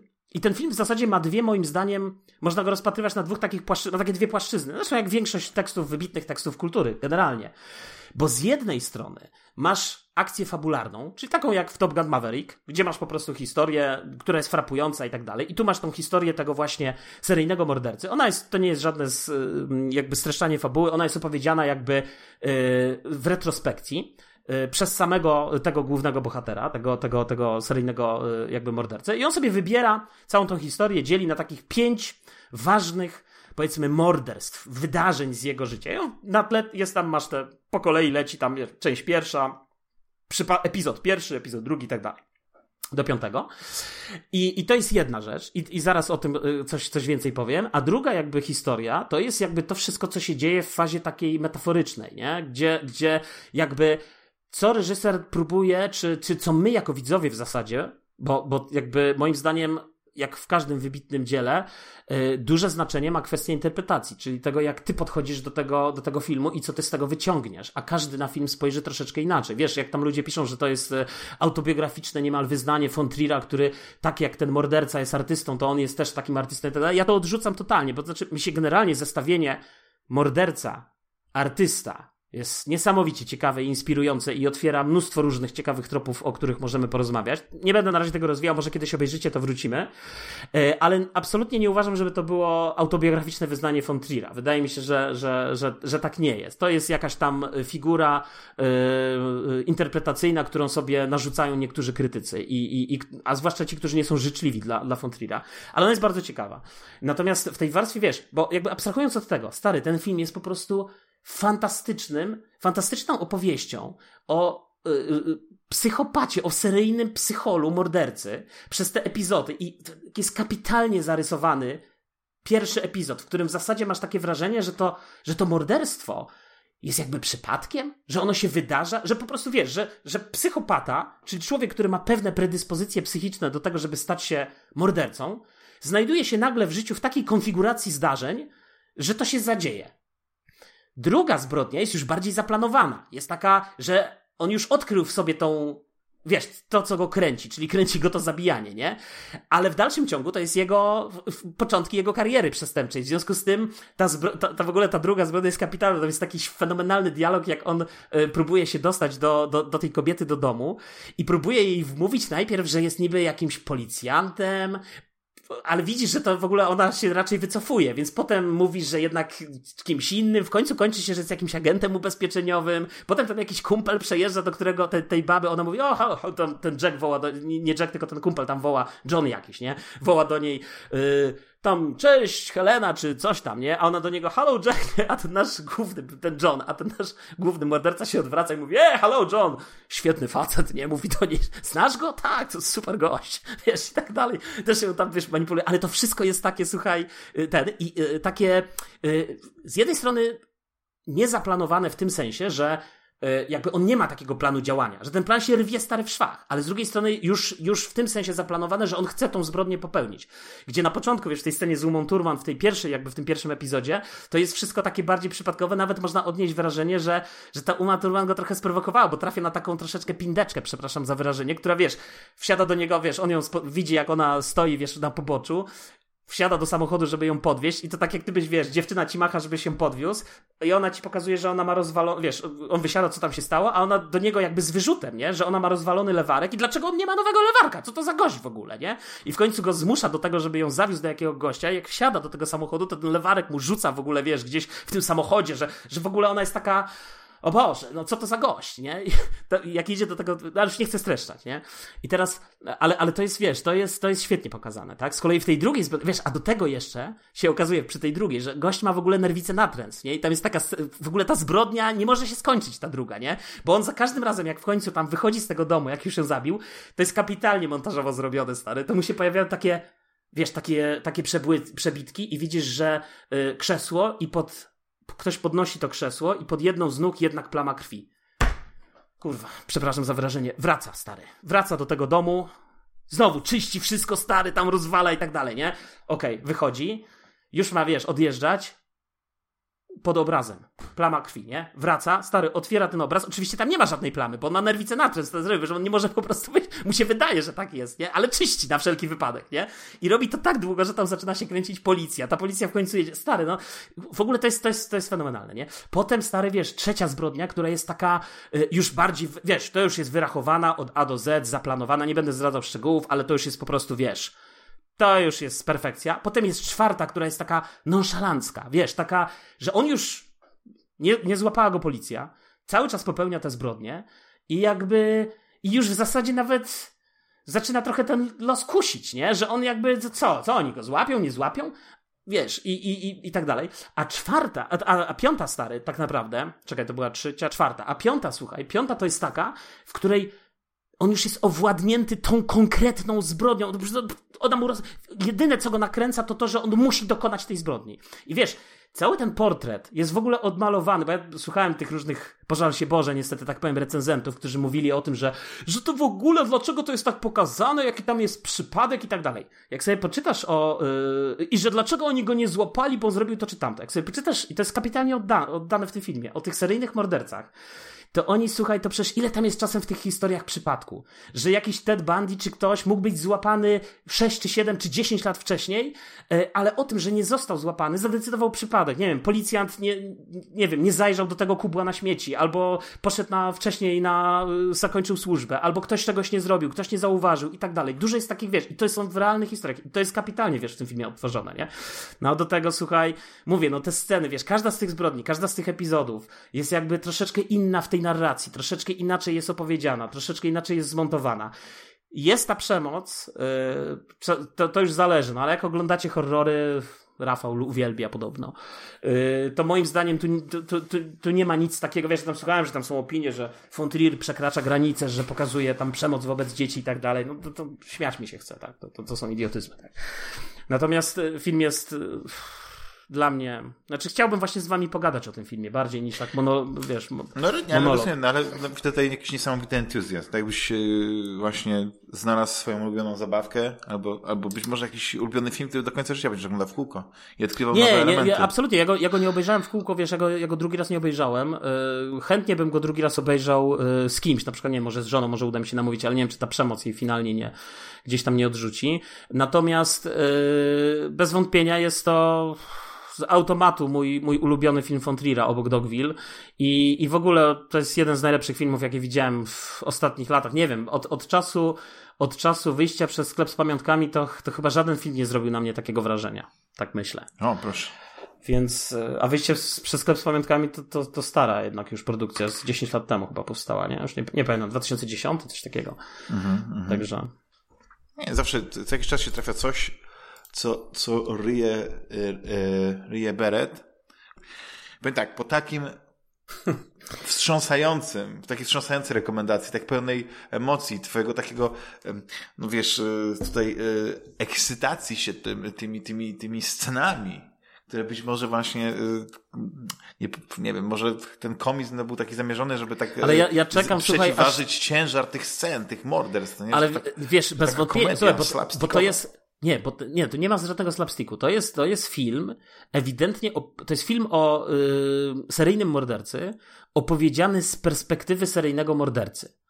To jest, to, to nie jest tak jak Hannibal Lecter, y, gdzie my oglądamy, wiesz, y, J, J, J, J czekaj, jak ona się tam nazywa? Czy Hannibal Lecter, no, Jodie Foster, tylko że chodzi Jodie o to, Foster. że tam, tam Hannibal ale, Lecter ale chodzi... pomagał pomagał. Znaczy wiesz, Nie no, jasne, rozumiem, ale, ale nie, nie, poczekaj, ale ja, roz, ja rozumiem, ja rozumiem, ale chodzi o to, że ja używam tylko, używam tylko takiego porównania, że to, to, to jest film, w którym my za, kamera śledzi e, całą opowieść z perspektywy jednak tych dobrych i wszystkich tych złych my owszem poznajemy, ale to jest na zasadzie jakby ktoś nam pokazał, zobacz, to jest ten Hannibal Lecter. On nam tu niby może pomaga, A, ale to jest jednak tak. morderca. Zobacz, ten gość to jest ten właściwy morderca, którego ścigamy. Ale to jest jednak morderca, a my go próbujemy złapać. A tutaj a tutaj jest trochę inaczej. Tu jest wszystko opowiedziane z perspektywy, bo to się dzieje, wiesz, film się zaczyna od, od w zasadzie czarnego kadru, w którym y, słychać tylko rozmowę, tak notabene z, z Wergiliuszem E, tego naszego głównego bohatera. Więc to już implikuje pewne odwołania do, wiesz, boskiej komedii i tak dalej. Więc yy, natomiast chodzi o to, że, że, że ten film jakby on, on opowiada to wszystko z perspektywy tego mordercy. Natomiast jedna ciekawa rzecz. Ale to jest, yy, czy to są morderstwa na faktach? Jeszcze raz, bo nie mogło mi to umknąć. Nie, chyba nie. Wydaje mi się, że Aha. nie. To jest chyba fikcja całkowicie. To, to nie o to chodzi. Natomiast, wiesz, druga rzecz jest ciekawa, że jakby w tym filmie, że, że jakby, bo ja się też, też przeczytałem, niektórzy recenzenci mówią, że my w zasadzie sympatyzujemy z tym Jackiem. Ja się z tym fundamentalnie nie zgadzam. Ten film, ja przez cały ten film absolutnie jestem, mnie bulwersuje, obrzydza mnie ten główny bohater. On jest dla mnie, to jest, to jest, to jest okropny, to jest okropny morderca. To jest, to jest wiesz, to jest tak. takie oglądanie z okropnego znaczy, mordercy. Dillon ale... stworzył taką, taką, taką, taką nawet tą postać, że ona jest tak, że patrzysz na nią i ona już, wiesz, już tak odwracasz wzrok, że on jest taki niemiły. Taki niemiluch, ten morderca. Tak, on jest taki niemiluch. On jest taki niemiluch. Tak, tak. Znaczy Matt, Matt Dillon no, jest po prostu... No, kapitalny aktor. Od czasów Wild Things mój ulubiony. Nie, nie wiem, czy to jest kapitalny aktor, bo może teraz zabrzmie strasznie, ale ale ja nie widziałem jego dobrej roli, natomiast ta rola jest wybitna, absolutnie nie, wybitna, znaczy, to jest Oscar. sobie Wild Things, to jest dobra rola. Ja, ja znam ten film, ja znam ten film, ale to jest, to jest wiesz, ale to jest, to ja w ogóle nie porównywałbym, no. nie, nie wchodziłbym w ten, tego, co powiedziałeś, jeśli chodzi o wejście w umysł mordercy, oczywiście to jest zupełnie co innego, jeśli chodzi o, o ciężar gatunkowy, no i też e, rodzaj, bo to jest jednak serial, to jest De Dexter. Tylko Dexter był mordercą, który, yy, wiesz, siedziałeś w tej głowie, jakby ty miałeś, ty od podstaw wiedziałeś dlaczego, znaczy, no oczywiście z czasem, nie? Bo to nie było tak, że od razu wiedziałeś dlaczego on zabija, tylko chodzi o to, że to było pokazane jak, jak to się działo w jego naturze i jak to było um, Wiesz, nie tłumione, tylko ta energia była wykorzystywana i żeby, powiedzmy, ta, ta żądza zabijania była wykorzystywane w jakimś no tak, w sobie dobrym celu, nie? Tylko, Ale widziałeś to, właśnie to dzieciństwo jego i tak dalej. Słuchaj, jakieś pojedyncze yy, widziałem tego Dextera, natomiast ja w dalszym ciągu jednak bym od tego uciekał. Znaczy nie chciałbym nie. stawiać mhm, tego, tego tak. Jacka przy tych filmach, bo w przypadku Jacka mówimy o wysokiej próby kinie autorskim, yy, takim kinie, wiesz, yy, artystycznym, które właśnie jest czymś takim, co ja w kinie uwielbiam, bo ja uwielbiam w tym wysokiej klasy y, kinie, w tym, tym kinie właśnie z tej wyższej półki, jak te filmy oprócz tego, że otwierają mnóstwo ciekawych furtek, otwierają mnóstwo ciekawych, wiesz, rzeczy do, do interpretacji, również w tej warstwie czysto fabularnej. Jeżeli ktoś nie chce w ogóle wchodzić w tę dyskusję, są po prostu fantastyczne w oglądaniu. Wiesz, Urodzenie Mordercy to jest dla mnie taki ikoniczny wręcz przykład takiego kina, bo to jest film, który z jednej strony jest opowiedziany w sposób spektakularny i to jest film, który możesz oglądać wyłącznie na tej płaszczyźnie fabularnej, jako po prostu y, genialnie sfotografowaną, y, niezwykle y, y znakomicie zmontowaną opowieść o, wiesz, o mordercach i po prostu traktować to tylko jako, że to jest opowieść o mordercach mordercach, wiesz, tu się strzelają, zabijają, jest ta niezwykła, wiesz, taki detal, wiesz, te ujęcia, ta kamera, która hamuje przed głową, wiesz, y, gościa, y, bo jest to, wiesz, jakby podąża za kulą i tak dalej, i tak dalej. Mnóstwo takich rzeczy, a z drugiej strony jest to też jednak mimo wszystko właśnie kino artystyczne, wysokiej klasy, takie, które od, właśnie jest, jest podatne na, na tą interpretację, na jakby takiemu widzowi, który szuka w kinie czegoś więcej, daje mnóstwo satysfakcji mnóstwo frajdy w szukaniu tych tropów, w rozpoznawaniu rozpoznawaniu ich, bo ja absolutnie, i to zawsze mówię, ja się fundamentalnie nie zgadzam z czymś takim, że jest jakaś jedna interpretacja, albo co reżyser miał na myśli. Nie ma czegoś takiego w ogóle w sztuce. Jakby film czy tekst kultury zawsze zostawia y, tą interpretację widzowi. I dobre, chyba że mówimy o kinie Małgośki Szumowskiej, tak? No, u niej jest wszystko wyłożone, wiesz, jeden do jednego, jak krowie na rowie i po prostu ideologicznie wszystko jest tak, jak sobie ona wymyśliła i nie ma możliwości tego inaczej zinterpretować. Jest wysokiej, wysokiej próby kinie, takim naprawdę z, z najwyższej półki, no to właśnie y, jest, y, jest trochę takie te, te, pytania są otwarte, te, te, wiesz, te, reżyser jakby nie jest taki, że on ci mówi, stoi nad tobą z palcem i mówi, o zobacz, to jest tak, tylko on mhm. właśnie ci daje pewne, podrzuca ci pewne piłeczki, podrzuca pewne tropy. I teraz zależy od tego, czy to oglądasz ty, czy ja, czy Rafał, czy ktokolwiek inny. Każdy z nas ma inną wrażliwość, każdy z nas inaczej patrzy na kino. Wiesz, ty możesz wyjść z tego z filmu i powiedzieć, nie no Jules, no co to w ogóle miało dziadostwo, nie? Ale ja nie wierzę, żeby tak było, stary, bo ja po prostu momentami rżałem. Ta scena, wiesz, ta druga scena, jak, jak on rozmawia z tą i w ten nieudolny sposób jej próbuje wmówić, że jest z policji, ale potem mówi, a w zasadzie to żartowałem, bo, dobrze pani właśnie zapytała mnie o odznakę, bo ja nie mam tej odznaki, bo w sumie yy, my tutaj właśnie robimy takie statystyki. No, a potem w ogóle jak się okazuje, że jednak jest tym agentem ubezpieczeniowym, udaje, że jest tym agentem ubezpieczeniowym, to, to jej wciska jeszcze mówi, no kazali właśnie coś takiego mówić, żebyśmy pytali, wiecie, wie pani, w celach takich yy, statystycznych, nie? w tych badaniach. Świetnie nie? przygotowany. Na, na każdą ewentualność ma, ma no, nie, właśnie, ale właśnie chodzi o to, że to wszystko jest takie, że on w ogóle nie jest przygotowany, że to, ty masz takie poczucie, że on to rzeźbi narympał, że on chce ją po prostu zamordować, ale po prostu on to rzeźbi narympał i mu to w ogóle nie wychodzi, stary, i on próbuje się ratować i w którymś momencie masz takie wrażenie, że ona go zaraz zdemaskuje. to śmieszy. Mnie to śmieszy, bo to jest świetnie opowiedziane, wiesz, świetnie, świetnie napisane dialogi są w tym filmie, wiesz. Ja przecież ostatnio próbowałem właśnie sobie przypomnieć, jaki ja film oglądałem o o, o gościu, który przypadkowo właśnie zabija i mi się wydawało, że w tym filmie grał Paul Dano, czyli mhm. między innymi e, Riddler z tego nowego e, Batmana, ale nie mogę sobie przypomnieć, co to był za film. Ale też się zaczyna tak, że on jakby przypadkowo e, zabija kogoś i wiesz, i czuje to wewnętrznie, że po prostu to jest, że, że to jest ta jakaś ekstaza, że to jest to, czego mu chyba w życiu brakowało. I od tego się zaczyna jego kariera seryjnego mordercy, ale wiesz, wiesz ale sobie ten to główny bohater, tak, tak ale wiesz, to też jest w ogóle, to, to, to, też jest niesamowite, że ten główny bohater, on jakby od, dość szybko y, jakby widzą komunikuje, że on się czuje de facto jako artysta że on, że te zbrodnie, że to wszystko to jest, że on po prostu, on nawet robi im zdjęcia potem tym zwłokom, stary. I jest tak ob, ob, obsesyjnie na tym punkcie nastawiony, że w którymś momencie, jak zrobił zdjęcia, to stwierdził, że mu się to nie podoba i wraca na miejsce zbrodni. Po drodze przez przypadek jakąś babkę potrąca, ale w sumie bierze ją do tego samochodu i potem yy, bierze ją na to miejsce zbrodni i sam mówi, ale okazało się, że wyszły mi fantastyczne zdjęcia, wiesz, z tego wszystkiego i z tego jest zadowolony. Więc wiesz, to jest no niesamowity film. Niesamowity film, zdecydowanie nie dla każdego. Niesamowity entuzjazm po prostu. Nie dla idiotów. Nie, tyle, ja nie tyle. mogę, ja nie mogę, słuchaj, ja nie mogę wręcz yy, wyjść z, z absolutnie z, z oczarowania, z podziwu. To jest, to jest po prostu, to jest perełka. To jest, to jest jest arcydzieło, stary, łącznie z epilogiem w tym filmie. Nie, nie wiem, czy nie, nie, będę zdradzał, no ale jakby to, to wszystko jest w tym filmie, no, no palce lizać. Palce lizać to jest uczta. Uczta kinomana i dla kinomanów. Yy, I ja naprawdę, jeżeli obejrzycie ten film i, i i, to, I nie będziecie mieli na, takiego zdania, że to jest po prostu do wyrzucenia do kosza, to bardzo chętnie wrócę do tego. No, no, do no. tego. Fajne, fajne, fajna obsada też dodatkowo taka już trochę, y, powiedzmy, kiedyś pierwszej kategorii, teraz, teraz y, mniej, dlatego. A, to nie jest nowy nie film. No, też Uma Thurman, Uma no. Thurman. Y, ona gra dość krótką tą, tą rolę. Matt Dillon oczywiście. Ten, ten niemiecki aktor, który jest, jest Jeremy Davis. Taki, taki ten aktor, którego, który gra Ala, sobie teraz pomagam. Mhm, znaczy, nie wiem. No, jak, znaczy, jego to byś kojarzył pewnie jakbyś Lost oglądał, albo jakbyś oglądał e, też taki bardzo fajny film Justified. On, on, w tej czapeczce jest? Taki z brodą w tym trailerze? No nie wiem, no Al się nazywa. A to nie wiem. Dobra. No, no. William e, Dafoe. William, William Dafoe, tak? Jest? Nie gra, nie, nie, nie. No to, Wydaje mi się, to... że nie gra. A gra? Jest, jest naprawdę Znaczy gra? patrzę, patrzę obsadę, no nie? I tutaj wiesz, ale to ja akurat nie wierzę w Google. Być może to jakieś jest... A może jest jakoś ucharakteryzowany?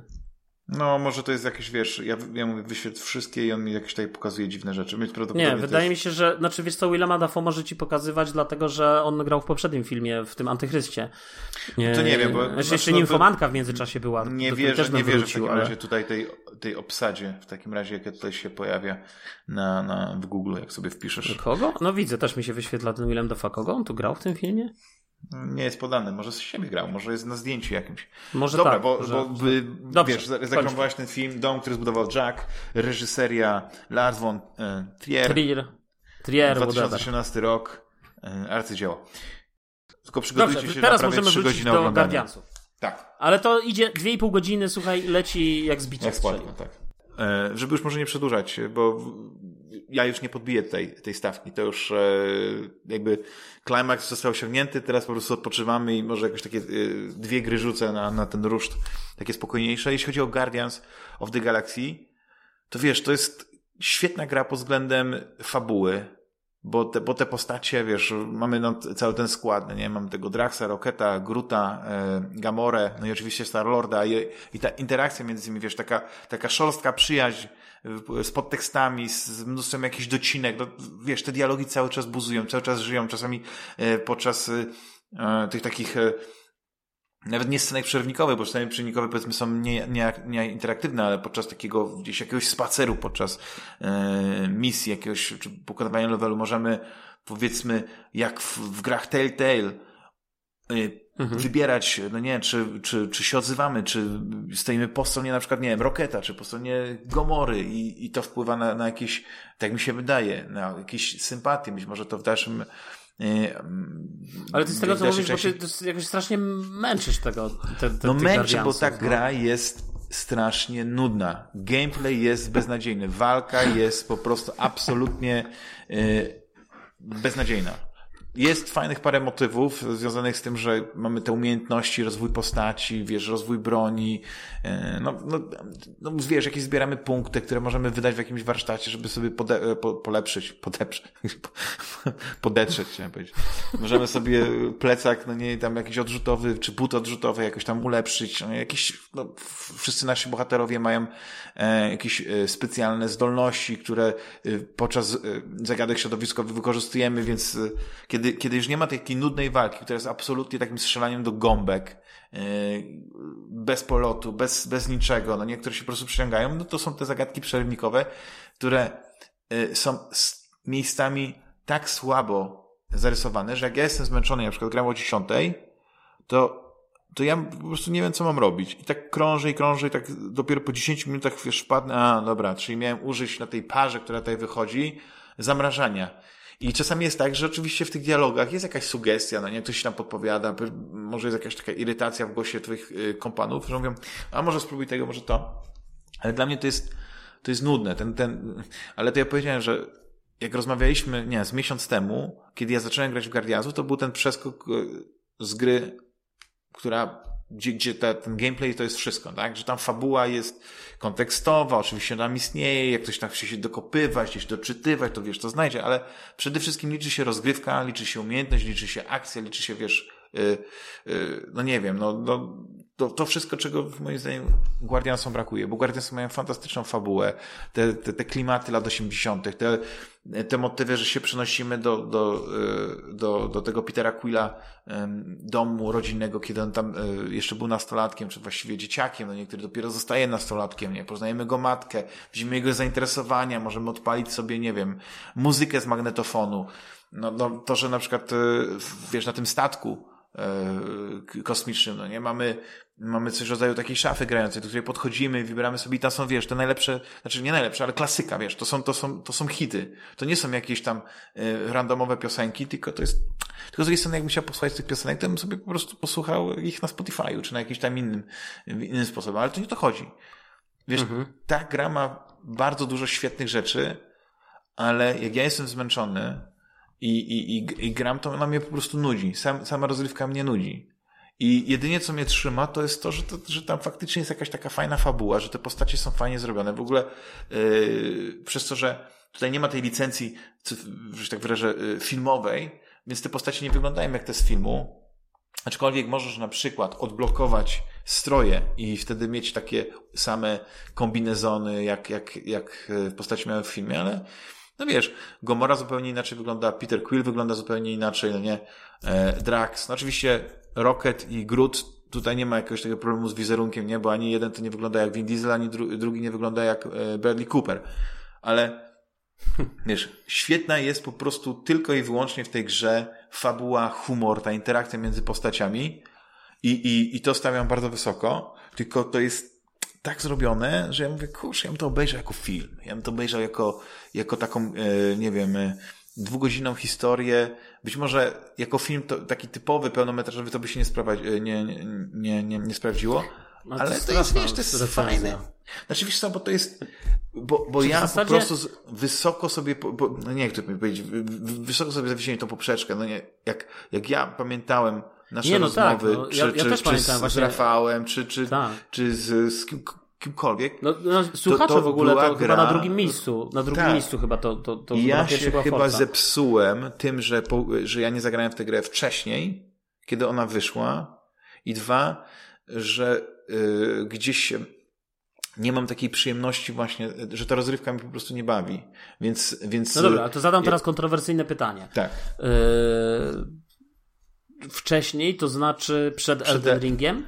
Przed Elden przed chyba takim, kiedy być może miałem dużo czasu, żeby tak właśnie poświęcić grze i wiesz, mi się nawet nie chce zagłębiać, bo tutaj ta gra jest tak płytka pod względem tych, tych dodatkowych e, funkcji, znaczy płytka. Masz mnóstwo jakichś upgrade'ów, które możesz dokupić, tak? Te postacie mają e, różne umiejętności. Ty masz broń dodatkową, która e, ma dodatkowe tryby strzelania, tak? Czy na przykład, nie możesz tam e, strzelać elektrycznością, możesz zamrażać. To oczywiście jest też wykorzystywane nie tylko w walce, ale też przede wszystkim w tych zagadkach środowiskowych.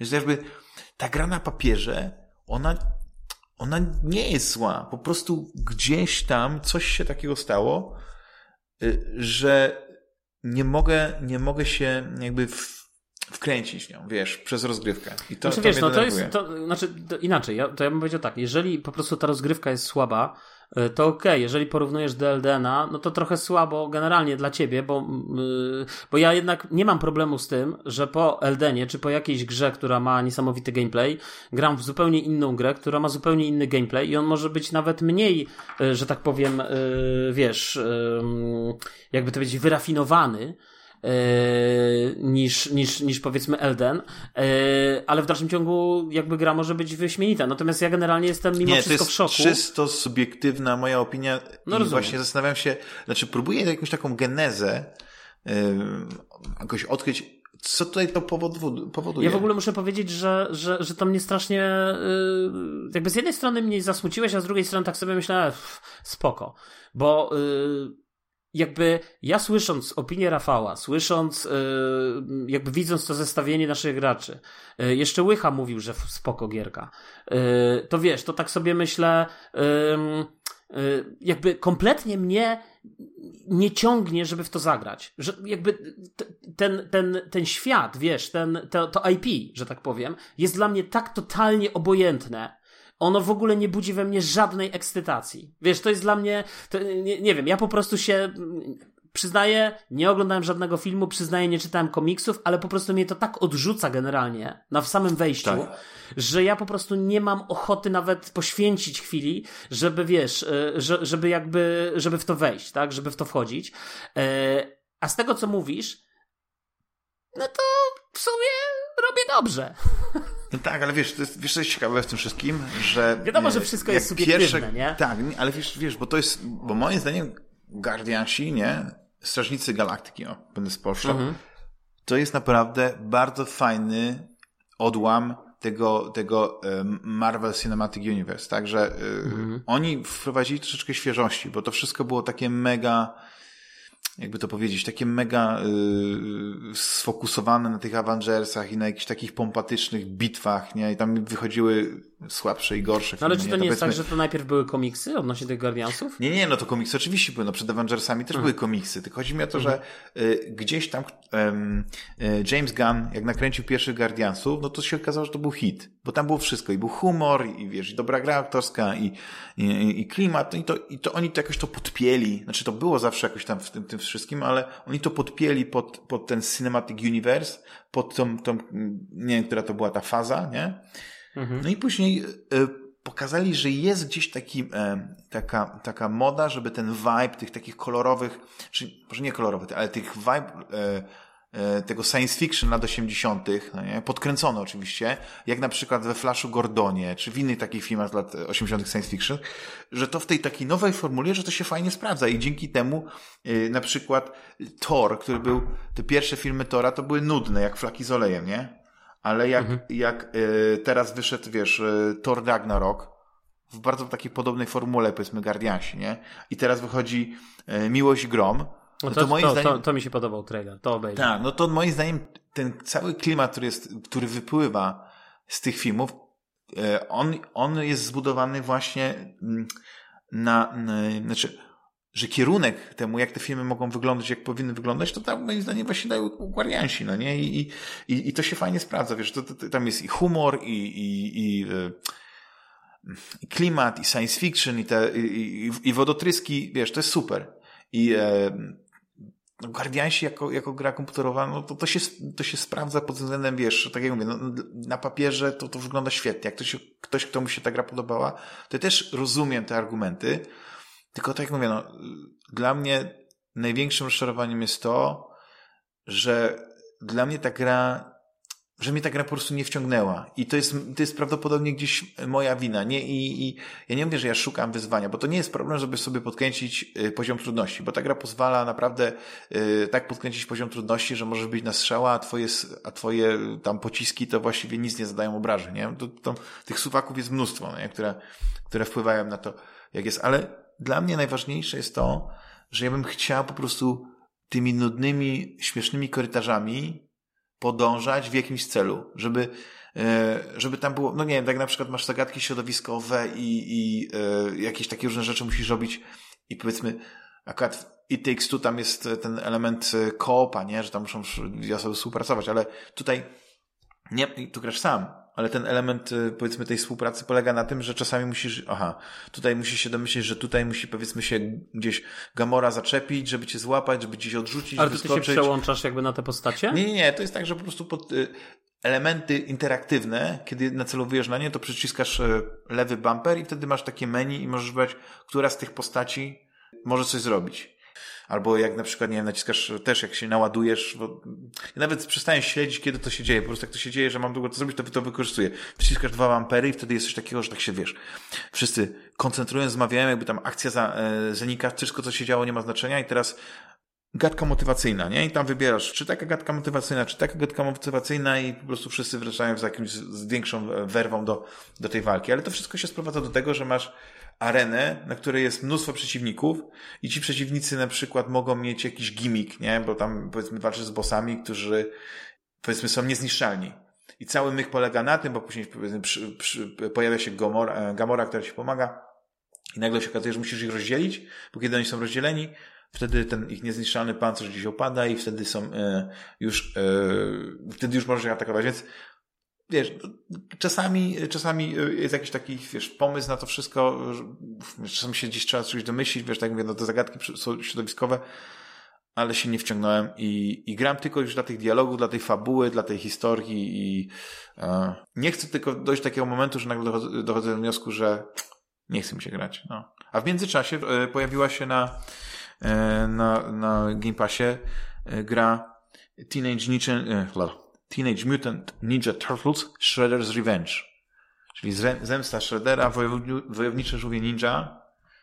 I nie wiem, czy chociaż widziałeś jakiś fragmencik tej gry, jakiś... jakiś, jakiś nie no, ja, ja to nawet zainstalowałem na PC i zagrałem, ale jakby, wiesz, rozumiem, że są entuzjaści, dla których to jest święty gral gamingu AD 2022.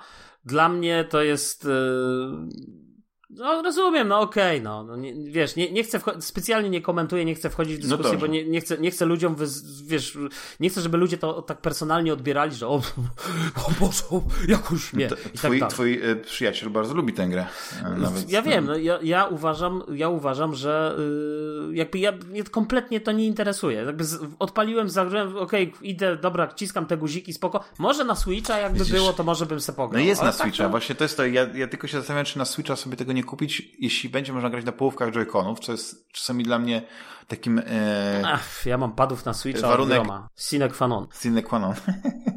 to jest dla mnie, to jest, to jest kluczowe, nie? Wtedy będę mógł zabrać sobie e, na przykład Switcha na dach i tam grać na połówkach joyconów z, z, z Karen.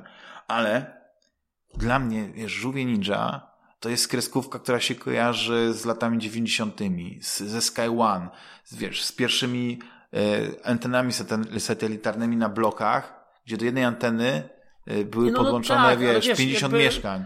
I wiesz, ja, ja żyłem tą kreskówką, ale jednocześnie na automatach było takie chodzone mordobicie, właśnie to chodzone żółwie ninja, ale ja to I, pamiętam, ja to, ja to no, grałem no, na no. automatach, grałem to na PC stary, ja to jakby, tak. te żółwie ninja, pamiętam jeszcze ten taki aktorski był film z tymi żółwiami ninja, który no tak, też elektryzował, że jak oni to zrobili w ogóle, wiesz, dla takiego dzieciaka, że, jest, że te tak. żółwie jakby są i tak dalej, nie? Jakby teraz ja nawet pamiętam. były no, nowe te, te chyba, nie wiem czy Michaela Manna albo Michaela Beya, Chyba było, no, chyba było. To były coś. też świetne, to, to, to, wiesz, żółwie ninja to jest, to jest jedna rzecz, nie?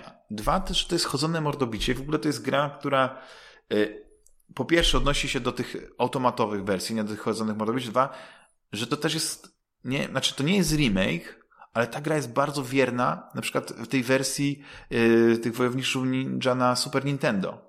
Wiesz, to, to nie no, ja, zaczyna... ja, ja, ja, też się zastanawiałem, tak przez chwilę grałem, to się zastanawiałem, czy to nie jest właśnie jakiś, yy, jakiś remake, tak? Wiesz, albo, albo tak, takie tak. odświeżenie jakby istniejących, ale chyba nie, nie wiem. Nie no podejmuję się odpowiedzi znaczy tam, na to tam, pytanie. Ta część, nie wiem dlaczego akurat tak się nazywała, bo to nigdy, nigdy nie byłem takim fanem, ale tamta y, Turtles in Time, tak, czyli i generalnie też bardzo podobny motyw był i na przykład takie klasyczne otwarcie poziomu, że masz, że powiedzmy tam poziom pierwszy, nazwa bossa i jego tylko sylwetka. I to na przykład jest też tutaj. Tylko ta gra jest taka dużo, chyba taka e, większa, pełniejsza, tych, tych, tych poziomów, etapów chyba jest 16, nie? Tam jeździsz sobie tym takim... E, Ale ty skończyłeś tą grę? Tak, skończyłem i A. wiesz, i najlepsze jest to, że A, ja sobie... Nie gra na, nie wiem, dwie godziny. Może więcej, może mniej, bo to nie o to chodzi. E, nie liczę czasu, bo ja to grałem kilka wieczorów, bo ja grałem Aha. z synem i to było najlepsze, mhm. bo ja ustawiłem na najniższy poziom trudności. On sobie, e, wiesz, mówi, że on będzie grał szczurem, nie? Splinterem, jazzgą. Ja mhm. tam y, wybrałem sobie Raffaello, chociaż jak byłem y, za młodego, to oczywiście Donatello był moim ulubionym żółwiem. A moim Leonardo. No tak, no ale to wiesz, zawsze byłeś Leonardo DiCaprio.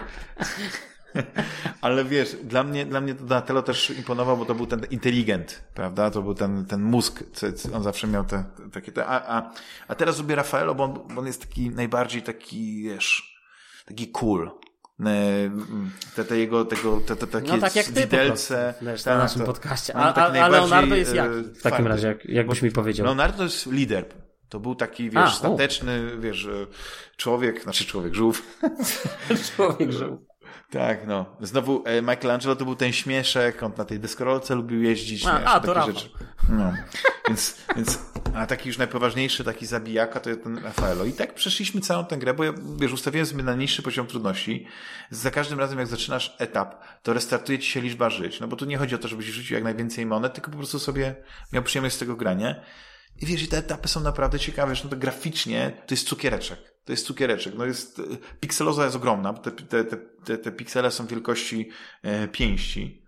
Ale to wszystko tak płynnie działa, jest takie szybkie, dynamiczne. Znaczy, Tam, ja powiem tak, idealna gra na Switcha, moim zdaniem. Naprawdę. Na pewno, na pewno. Z tego, co teraz mi zarekomendowałeś, to może nawet na Switcha bym kupił. Nie, no to jest, to jest gra, wiesz, ja nawet wróciłem do wersji na Nintendo. Zł.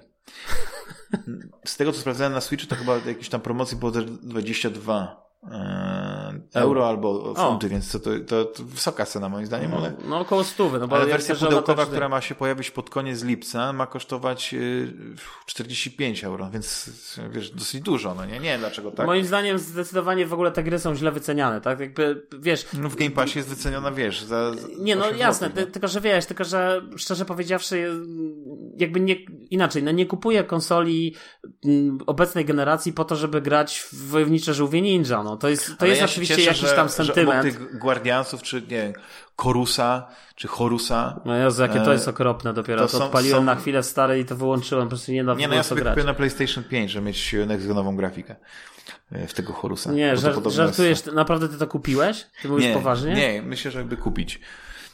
Ale jeszcze ale nie. Tobie jeszcze... Ale tobie, tobie się to tak spodobało? Nie, ale to jest strzelanka kosmiczna. Ja bardzo lubię science fiction gry. No ale no. weź to odpal na Game Passie, zanim wydasz dobrze, pieniądze. Dobrze, naprawdę. Okay. ale to tak moim zdaniem jeszcze jest... o tych, y, tych turtlesach, że to jest, to jest chodzona bijatyka w klasycznym stylu. Można grać Wydaje mi się, że jak pewnie podłączysz tych, tych, y, tych padów wszystkich plus y, online, czyli możesz grać tam sieciowo, to wiesz, możesz mieć sześć postaci na ekranie, nie? Cztery żółwie, April O'Neil do tego, ta słynna dziennikarka, mhm. Drzazga, czyli ich mistrz, szczur mhm. i później po przejściu gry odblokowujesz sobie e, Casey'a chyba, Casey się nazywa. No ale tam tak... masz, ale tam masz jakieś poziomy trudności, rozumiem, bo ty, rozumiem, że ty grasz tak, na najprostszym tak. z uwagi na... chill, chill taki jest. Później masz jakiś ok, jakiś trudny. Wiesz, Bo wiesz, jak grasz nie... na chill w 6 osób, no to to nie wiem, czy to ma jakiekolwiek nie, nie, nie, rację bytu. Nie, nie, no ale wiesz. Znaczy, mi się ta gra jawi jako taki, po pierwsze, z tego co opowiadasz, jakaś tam sentymentalna podróż, natomiast gameplayowo, tak jak ja w to zagrałem, to takie no... Nie, no maszer... gameplayowo też jest super. Wiesz, właśnie to jest to, że ta gra jest bardzo dynamiczna i, i ona... Czy, po pierwsze, to jest pytanie, to jest główne pytanie, czy lubiłeś, bo nie wiem, czy nadal lubisz, nie? Ale czy, y, jaki jest twój stosunek do tych, tych y, beatemapów, czyli takich chodzonych mordobić właśnie jak Vendetta, jak na przykład Cadillac i dinozaury, jak Final, e, mm, Final Fight i tak dalej. Znaczy, słuchaj, ja, ja, to wszystko, ja to wszystko lubiłem, lubię, yy, ale w międzyczasie pojawiły się nowe gry, które wydaje mi się też są w jakimś sensie chodzonymi mordobiciami. Nie wiem, taki God of no, War. Sifu. Yy, czy nie, Sifu. Sifu. Albo Midnight Express, o którym Ale wiesz, ale chodzi mi o to, że, ale chodzi mi o to, że wiesz, że, że, że takie gry, które powiedzmy gdzieś czerpią z tego, z tego yy, bo, bo moim zdaniem to nie jest tak, że ty musisz patrzeć wyłącznie na to, ale yy, dobra, niech będzie Sifu, jako świetny przykład, tak? No ale Sifu moim zdaniem to jest wybitna. To, to, o, to jest dla mnie diamencik. Brylancik, przepraszam. To jest taki brylancik, wiesz, to jest taki, taki oszlifowany z każdej strony, wypieszczony, wy... On, a, a, to takie, wiesz, to takie, taka perełka, perełka. Absolutna perełka. Yy, grałeś w końcu w Sifu, czy nie? Nie, ale miałem, wiesz, najlepsze, że miałem wczoraj? Wczoraj, bo przedwczoraj no. miałem w rękach wersję Aha. Vengeance Edition. No tak, bo jest pudełkowa. Steelbook, tak, tak. jakiś ten, ten, ale doszedłem do wniosku, że To jeszcze nie jest ten moment. ale ona, ona jest całkiem spoko wyceniona, wydaje mi się, bo ona chyba kosztuje, ile kosztuje ta Vengeance? Ona kosztuje tyle, nie wiem, z 200, 180 w Polsce na premierę kosztowała? Tak, nie tak, nie, nie, to, to kosztuje tyle powiedzmy, ile tak normalna gra. No to jaka to ja w tym moim ulubionym Lombardzie ją miałem, jest tam Aha. chyba 38 euro, nie? Więc A, no tak mi się wydawało. To moim zdaniem to jest solidna cena. No, no, ale doszedłem do wniosku, że poczekam, że będzie w Game Passie i tyle, nie? No, tak to no, jest. Whatever.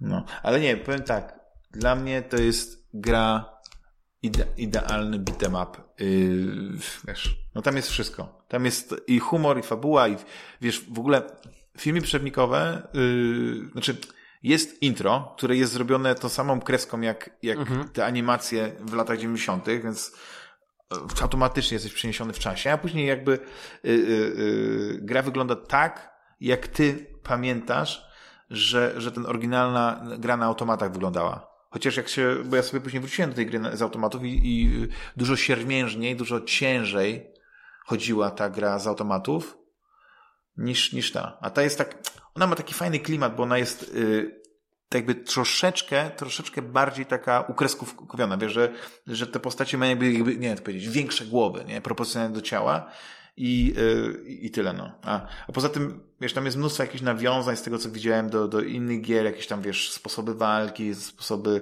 yy, jakichś takich akcji, no, tego, jak się poruszają postacie, no to jest, to jest gra, moim zdaniem, która yy, przypomina wielu osobom, jak dobrymi grami są e, właśnie chodzone bijatyki. Ja w ogóle mam sentyment do chodzonych bijatyk i bardzo lubię ten, te nowe E, wersję, nie? jeśli na przykład, nie wiem, jakiś czas temu, nie wiem, parę lat temu wyszło Street of Rage 4. Teraz, yy, nie wiem, czy już wyszła, czy, czy ma wyjść Final Vendetta. Nie wiem, czy, czy kojarzysz taką chodzoną bijatykę właśnie Vendetę.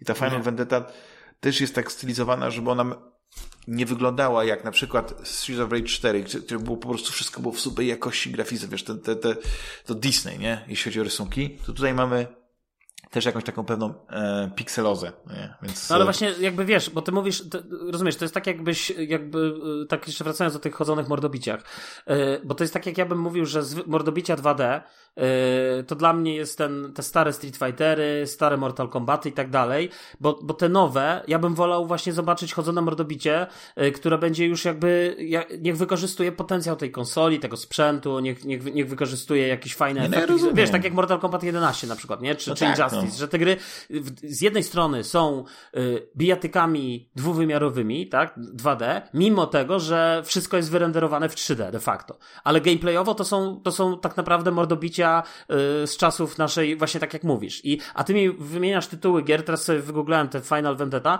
która po prostu wygląda tak jak, wiesz, no okej, okay, jeżeli ktoś no jest tak, fanem retro, mm -hmm, jeżeli mm -hmm. wiesz, jeżeli ktoś jest fanem tak. retro, ja nie jestem takim fanem retro i jakby ja nie mam takiej potrzeby do tego, żeby ciągle wracać do Teenage Mutant Ninja Turtles, bo ja je sobie pamiętam, tak jak wiesz, gdzieś tam zapamiętałem i to wspomnienie wolę sobie gdzieś tam kultywować, a nie będę się dzisiaj podniecał grą, która gameplay, ty mówisz, że gameplay, że to jest taki świetny gameplay i tak dalej. No ja to zagrałem, ja, ja nie widzę tego błysku geniuszu tego gameplayu. Ja widzę po prostu kolejną gierkę, w której walę w guziki i zabijam potworów i jeszcze trwa to dwie godziny i już, nie? Zero wyzwania i tak mam tysiąc żyć.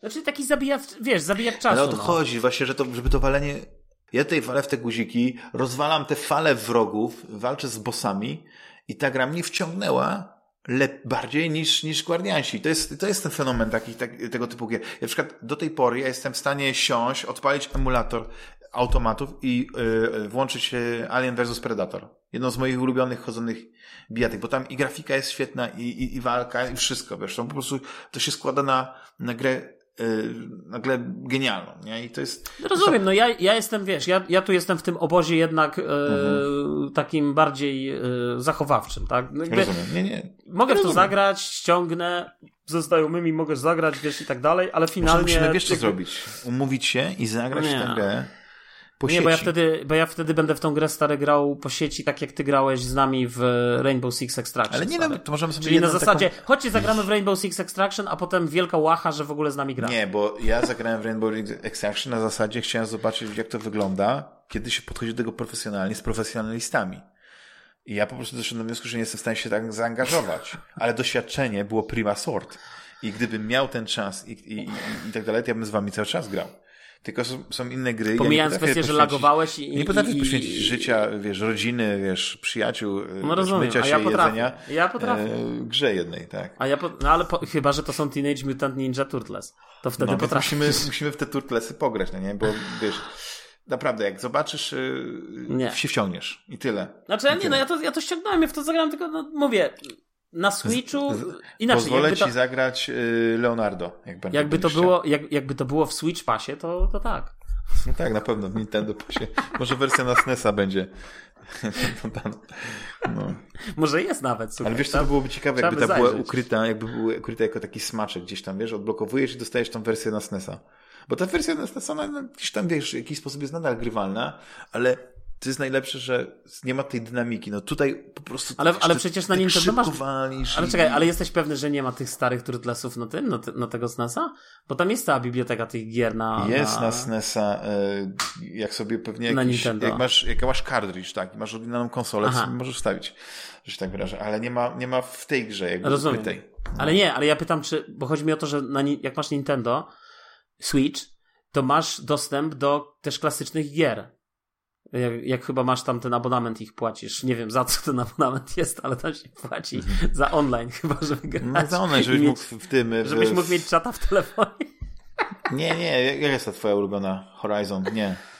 Y, ten Animal Crossing. Horizons, tak? Tak się nazywa? A Mila New Horizons, tak, tak. No, no New Horizons, Moja tak. no już nie, to bardziej mojej, bardziej mojej córki i żony. No tak, no, no, no ale, ja, no, ale wiesz, ale i co? No po to I, muszę płacić. I muszę płacić, nie? Musisz Chociaż oni mnie próbowali przekonać, że jak kupię abonament, to dostanę, yy, wiesz, taki był ten, że tutaj wszyscy mają jakieś tam abonamenty, wiesz, yy, Xbox Game Pass, PlayStation ma swoją wersję teraz, yy, a Nintendo też ma swoją wersję, płacisz stary jakieś chyba 300 czy 400 zł na rok, musisz, możesz za to zapłacić i dostajesz stary dodatkowe tory do do Mario, do tego, do tych wyścigów Mario, Mario Kart 4. No wiesz, i ludzie płacą jeszcze mówią, kurczę, no Nintendo jest najlepsza, nie?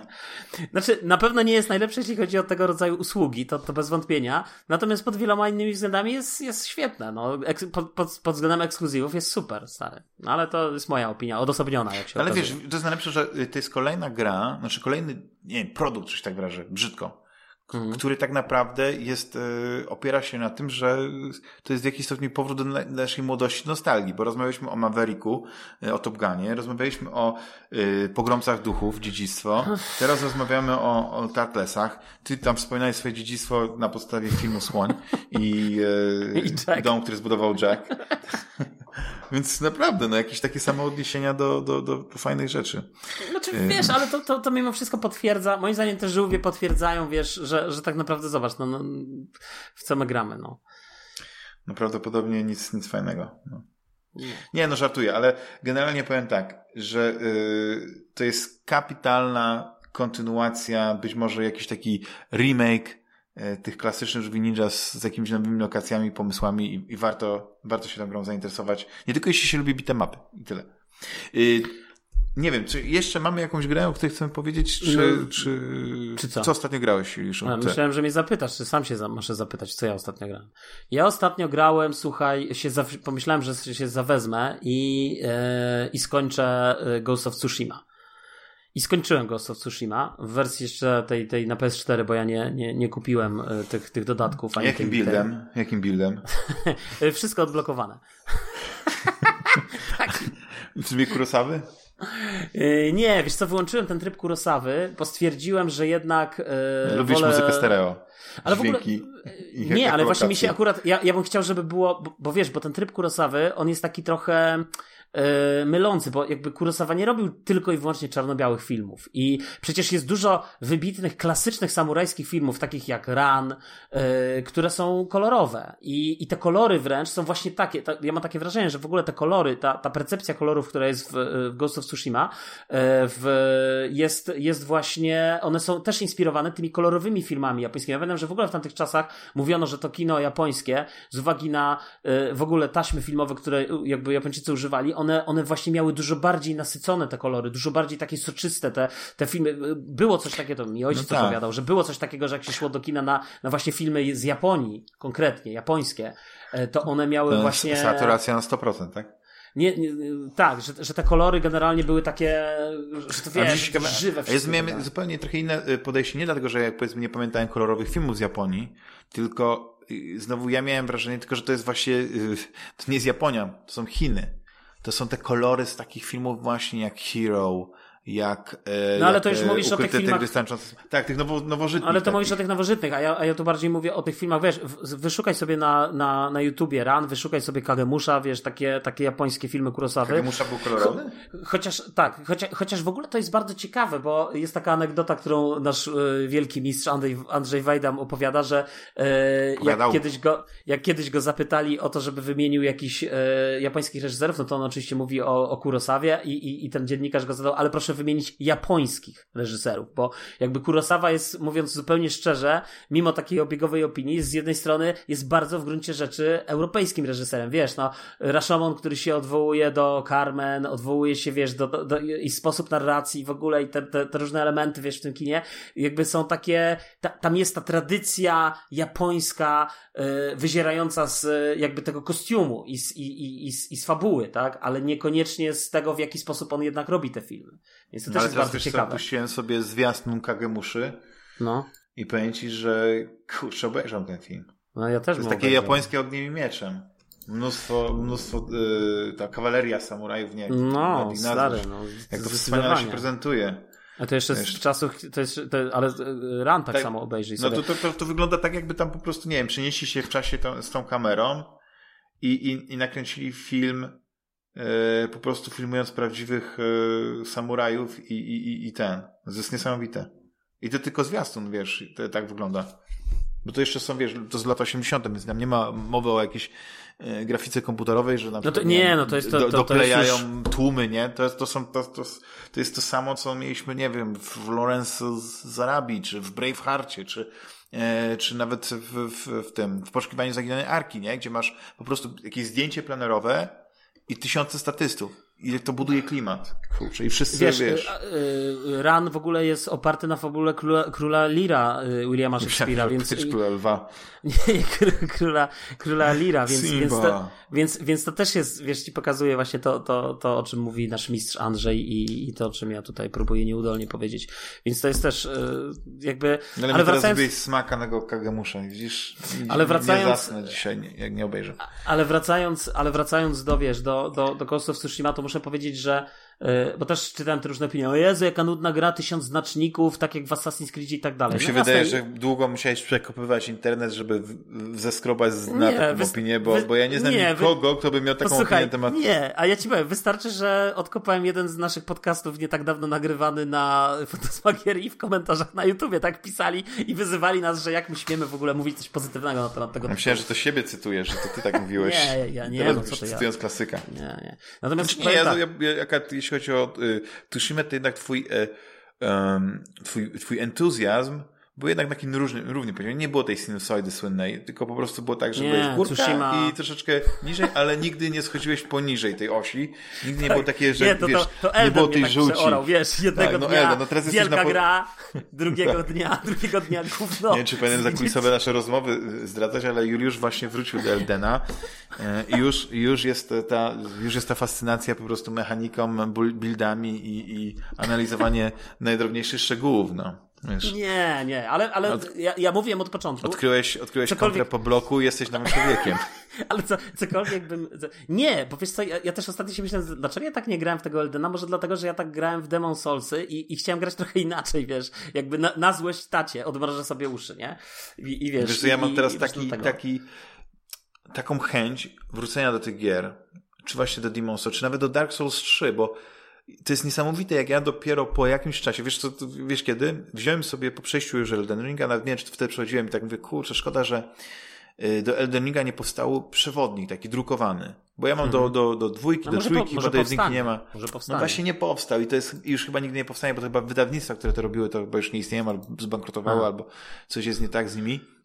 I otworzyłem sobie ten podręcznik, y, znaczy ten przewodnik do trójki i tak przeglądałem, jak to wyglądało tam i mówię, Przecież to jest faktycznie, to jest ewolucja, tylko zbudowanie większego, lepszego, otwartszego mhm. świata, ale te pomysły już wprowadzili w trójce. A ja sobie tak wyparłem, jak, jak mówiłem o tym Eldenie, to byłem taki zachwyśnięty, że to, o, to jakaś nowość jest to, że tamto, nie, że to, tych mhm. NPC-ów jest więcej, że, tych, że, mm że coś ci dają, że tam jakieś masz questy w cudzysłowie, nie? Ale to już było wtedy. Ja nie wiem, dlaczego nie pamiętam, musiała po prostu być jakaś duża przerwa. I, i, i dlatego taki mam taką ochotę, żeby ale wrócić wiesz, do, do, do, do trójki, nie? nie? I, wracając, ale, ale wracając jednak do, yy, do Ghost of Tsushima, to ja muszę powiedzieć, że jakby abstrahując od tego, tak, wielki, wiesz, w tej grze jest dużo powtarzalności. Te questy, niektóre poboczne są takie, nawet niektóre questy, wiesz, y, z, z wątku głównego są czasem tak trochę Ctrl-C, Ctrl-V, nie? Że, że na zasadzie oczyść tą wioskę, tutaj musisz zabić tych, tu musisz uwolnić tych niewolników, tych, tych więźniów, tu musisz, to akurat jakieś tam poboczne, nie? Tu musisz zrobić to, tu musisz zrobić tamto. Ale jakby z jednej strony a z drugiej ale są gameplay. Też te, te, ale wiesz, te ale questy drugiej, friendships. Ale, ale wiesz, ale no właśnie, mistyczne zrobiłem, mityczne zrobiłem wszystkie, te mityczne opowieści takie są, wiesz, to tam, że zdobądź te zbroje i tak dalej. Ale... Dostajesz te takie specjalne bronie, tak? To tak, specjalne zbroje czasem, zbroje przede wszystkim, nie? To mhm. są przede wszystkim zbroje. Tak, tak. Yy, I wiesz, i, i yy, ale ten gameplay, wiesz, jest tak świetnie zrobiony, wiesz, to się, mi się to w ogóle nie znudziło przez całą grę. Ja, ja mógłbym łazić po tej Tsushimie i normalnie wywoływać na te pojedynki i wiesz, to jest tak super zrobione, to jest tak świetne. Nawet końcówka miałem wrażenie, że będzie przeciągnięta ta walka, wiesz, na końcu z tym, z tym finalnym, tym naszym y, głównym y, jakby przeciwnikiem, ale ona jest taka, że jakby ona się składa jakby trochę z dwóch faz, nie? W tej pierwszej fazie mhm. to jest jakby ten klasyczny taki pojedynek, gdzie wiesz, on ten miecz, taki jak ci kowboje i tak dalej, a, a później masz, y, a później masz jakby tą, jakby taką bardziej normalną walkę, gdzie on jest powiedzmy tym silniejszym przeciwnikiem w tym, więc to też jest... A czułeś wyzwanie w tej grze? Czułeś właśnie, te, że niektóre pojedynki to jednak musiałeś się pocić? Bo mi najwięcej satysfakcji faktycznie sprawiały te walki, które nie, nie wgrywałem z mostu, gdzie musiałem się nauczyć, wiesz, nie no, tego tak, tańca to, z tymi ostrzami, tak, wiesz, to że znaczy rozpoznawać, rozpoznawać, ciała. Tak, rozpoznawać, wiesz, te, te, te kombosy i to, czy, czy to będzie robił ten atak taki, co się świeci tam na czerwono, czy na niebiesko i czy w związku z tym robić unik, czy odskok, czy gdzieś i tak dalej. Jak najbardziej to, to w każdej walce. Ale szczerze powiedziawszy, jakby ta gra nie sprawia mi jakichś wielkich trudności. Chociaż ja grałem na tym podstawowym poziomie trudności, tym chyba średni jest, jest jako główny. ale nie miałem potrzeby, wiesz, ja zupełnie nie miałem... że jesteś najlepszym graczem na osiedlu tam. Ale wiesz, ja nie, ja nie miałem zupełnie potrzeby y, grania w Ghost of Tsushima tak jak gram w Eldena, czy, czy y, bo w Eldenie nie ma poziomu trudności.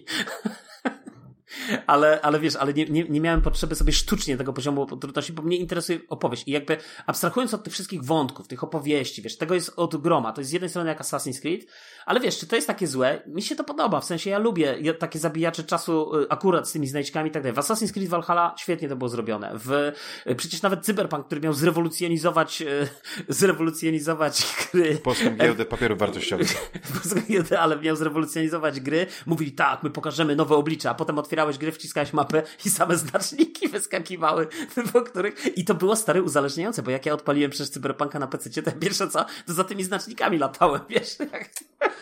Wiesz, ale znaczy, no, no tak, no z jednej nie, strony. Nie, no był, tak, nie, nie, nie nie, znaczy, znaczy, nie, nie, nie, chodzi o to, że ta gra, y, ja to na przykład tak grałem na PC-cie, wiesz, na konsoli starałem się grać yy, bez ADHD i cisnąć tylko tą, yy, tą fabułę. I, I to powodowało, że ja tam zawsze, wiesz, byłem spłukany, tak naprawdę to połowę Nie, ale dlaczego ADHD? Moim zdaniem, wiesz, ja, ja, nie mówię o znaczy, takim ADHD graniu... to jest, to, to jest na takiej zasadzie, jak na przykład ktoś grał w Wiedźmina i jak tylko widział znak zapytania, to musiał, wiesz, zrobić objazd, nie skręcić w lewo i tak dalej. A to nie, ja, ja tak nigdy nie gram, wiesz, ale bardziej mi chodziło o to, że generalnie odkrywanie tych znaczników, yy, yy, yy, ponieważ wiesz, wraca, wracam do. No to wracam do Ghost of... może nie ADHD. Ale wiesz, wracam na chwilę do, do Ghost of Tsushima. Ponieważ ten gameplay jest taki świetny w tej grze, to jakby ja, ja, ja nie chciałem tak przeć tylko za tym wątkiem głównym. Wiesz, ja, ja, nie zrobiłem wszystkich pobocznych, ale będę je sobie robił, najprawdopodobniej, spokojnie. Natomiast chodzi o to, że wiesz, ja, jakby mi nie zależało na tym, żeby to szybko skończyć już, żeby skończyć. Ja chciałem to skończyć, oczywiście wyrobić się przed określonymi wypadkami życiowymi, które zajdą, ale generalnie yy, jakby zależało mi na tym, żeby też to skończyć jednak z godnością jak człowiek, a nie wiesz, a nie yy, główny wątek fabularny. Yy, natomiast abstrahując od tego wszystkiego, tego rozbudowania, wiesz, otwartego świata i tak dalej, fabuła w tej grze jest po prostu zajebista.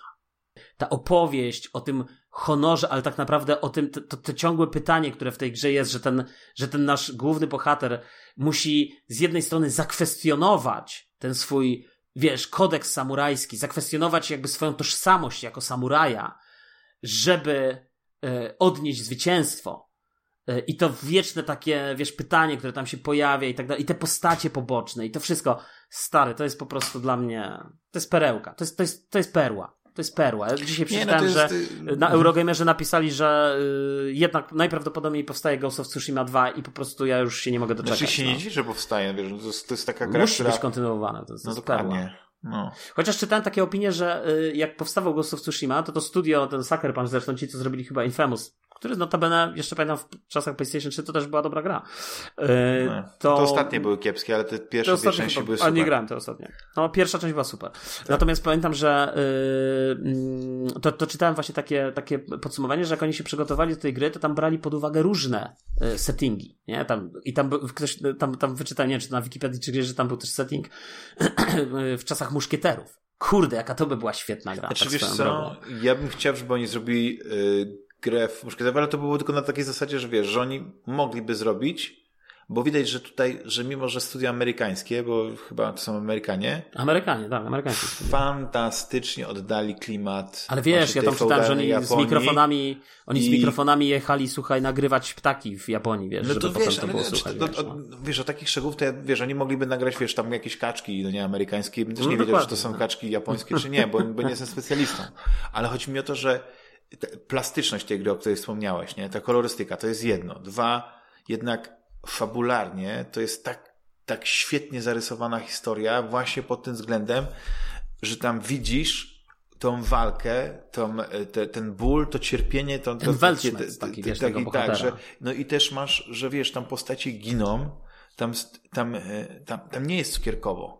I wiesz, i jakbyś tej gry nie zakończył, to to nie jest happy end amerykański, że wszyscy Nie, no właśnie, to jest taki, wiesz, to, to zakończenie jest... Gorzkie, jest... Wiesz, gorzkie zawsze... zwycięstwo. Pytanie tak. jest, czy, czy, na co stawiasz? Czy na, na tradycję, czy na honor? Czy na zwycięstwo? No, dla mnie najważniejsze w tej grze było to, że ta fabuła była tak angażująca, że ja po prostu chciałem poznać losy wiesz, nie tylko nawet głównego bohatera, ale też tych postaci, które mu towarzyszą. Dlatego ja bardzo często, jak tylko się pojawiała opcja, no nie, że okej, okay, mogę kontynuować ich wątki, to ja odbijałem. Znaczy, wiesz, no najfajniej byłoby jakby te, te wątki robić od razu, no ale to też jest tak, że musisz odkrywać pewne te, te, te części wyspy, zanim, e, zanim coś nowego się pojawi, no. Nie, no, to no, tak. Świetna ale... gra, no kapitalna. Nie, gra, gra świetna, znaczy, gra. Jakby oni powiedzieli, że okej, okay, nie robimy Ghost of Tsushima 2, bo robimy, yy, yy, nie wiem, Trzech Muszkieterów, i gdyby oni zrobili tę grę na takim samym poziomie, z, to, z tą pieczołowitością oddali, wiesz, czasy, yy, nie wiem. E, Grałbym. Jak, jakby to powiedzieć, te francuskie, te płaszcze i szpady, te, te, te No tak, tak, dokładnie, płaszcze i szpady. Lud, no, lud, lud, klimat ludwicjańskie? Lud, awanturnicze, awanturnicze powieści tak, yy, Aleksandra Dina. króla Ludwika XVI, tak, nie? Tak, tak, tak. Przed, tam nie było. przed rewolucji. Dokładnie. Francuskiej. No, no, zanim Napoleon tam. Cyrano de Bergerac, wiesz, takie, na, nie no, to, to jest potencjał. Człowiek w żelaznej masce. No nie. Wiesz, Wiesz, że ja nie wiedziałem, że to jest kontynuacja Trzech Muszkieterów. To jest w ogóle... Jak, jaki człowiek jest niewyedukowany. Że, znaczy, znaczy to wiedziałem. Nie, ja też nie wiedziałem. Później. Ja, też nie, ja nie wiem. Ale nie jak... Wiedziałem. Teraz mi no, powiedziałeś. Świetny film z DiCaprio w ogóle, polecam. Wspaniały aktor. Bardzo. Tak, piękny. E, film. Ale wiesz, także, także to no, generalnie podsumowując, udało mi się skończyć Tsushima, z czego jestem niezwykle szczęśliwy i, i będę do tej gry grał, bo to jest tak, tak, achievement jest trofeum. Eee, wyśmienita. Wreszcie skończyłeś jakąś grę, to jest jakiś taki Nie, no ja skończyłem przecież, no dlaczego tak mówisz? Skończyłem mm, przecież no. wcześniej e, The Last of Us. A nie, przepraszam. Dużo nie, gier skończyłem. Nie, nie, nie, nie skończyłeś skończy... Tak naprawdę nie skończyłem Eldena tylko. I nie skończyłem jeszcze Horizona, do którego też wróciłem, ale stary, to jest ciekawe. Wróciłem do Horizona, odpaliłem i który jest klawisz do czego? Czym ja mam... Pamiętałem, że przecież ona skanuje jakoś tych wrogów. Gdzie to jest? Klikam jedną gałkę, drugą, klikam triggery. W ogóle nic nie działa. Tu, wiesz, i jeszcze stary, ona skacze, akurat nie, czekaj, ona skacze...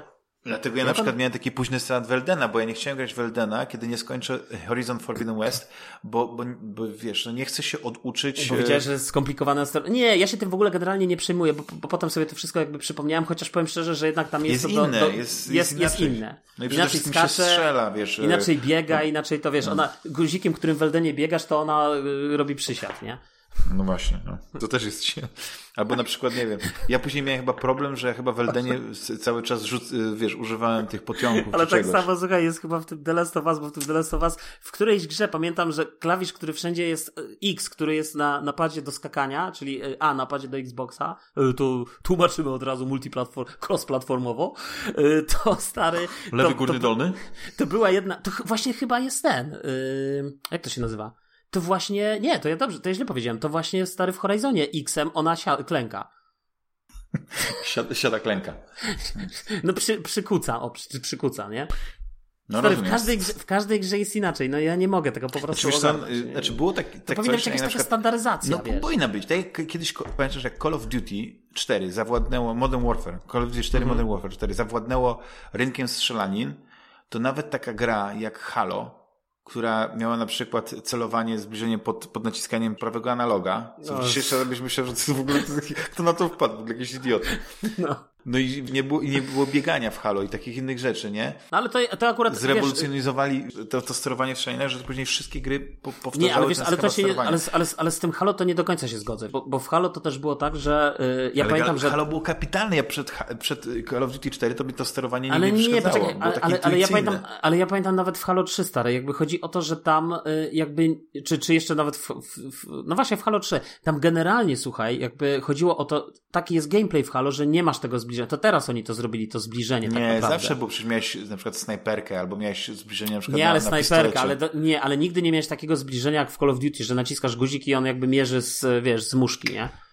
Znaczy powiem tak, nie chcę, żebyś się tutaj, znaczy już się kompromitujesz, bo zaraz ci w, komenta- w komentarzach przypomną. Niech napiszą, ale w Halo tak, 3 na pewno napiszcie. tak nie było. Było lekkie zbliżenie, takie pół zbliżenie, ale ono było chyba w Halo 5 dopiero.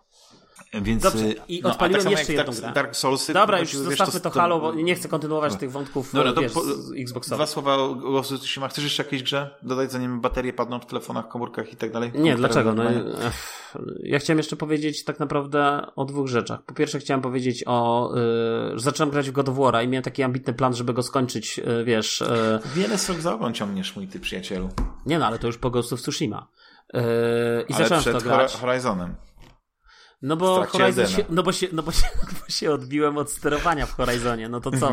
Czego ode mnie stopami wymagasz? w tego, w Gran, Gran Turismo 7. A tak naprawdę czekają jeszcze Mario Striker. lewą ręką wpisując po prostu Dokładnie, Forza komentarze pod... 8, G, straszny G.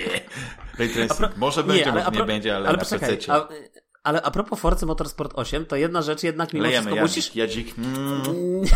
nie, jeszcze nic nie powiedziałem, ale a propos Forcy Motorsport 8... Ale ja już przygotowuję musisz... tę audiencję. ale posłuchaj, ale jedna rzecz musisz przyznać, jest taka w stylu właśnie marketingu Microsoftu.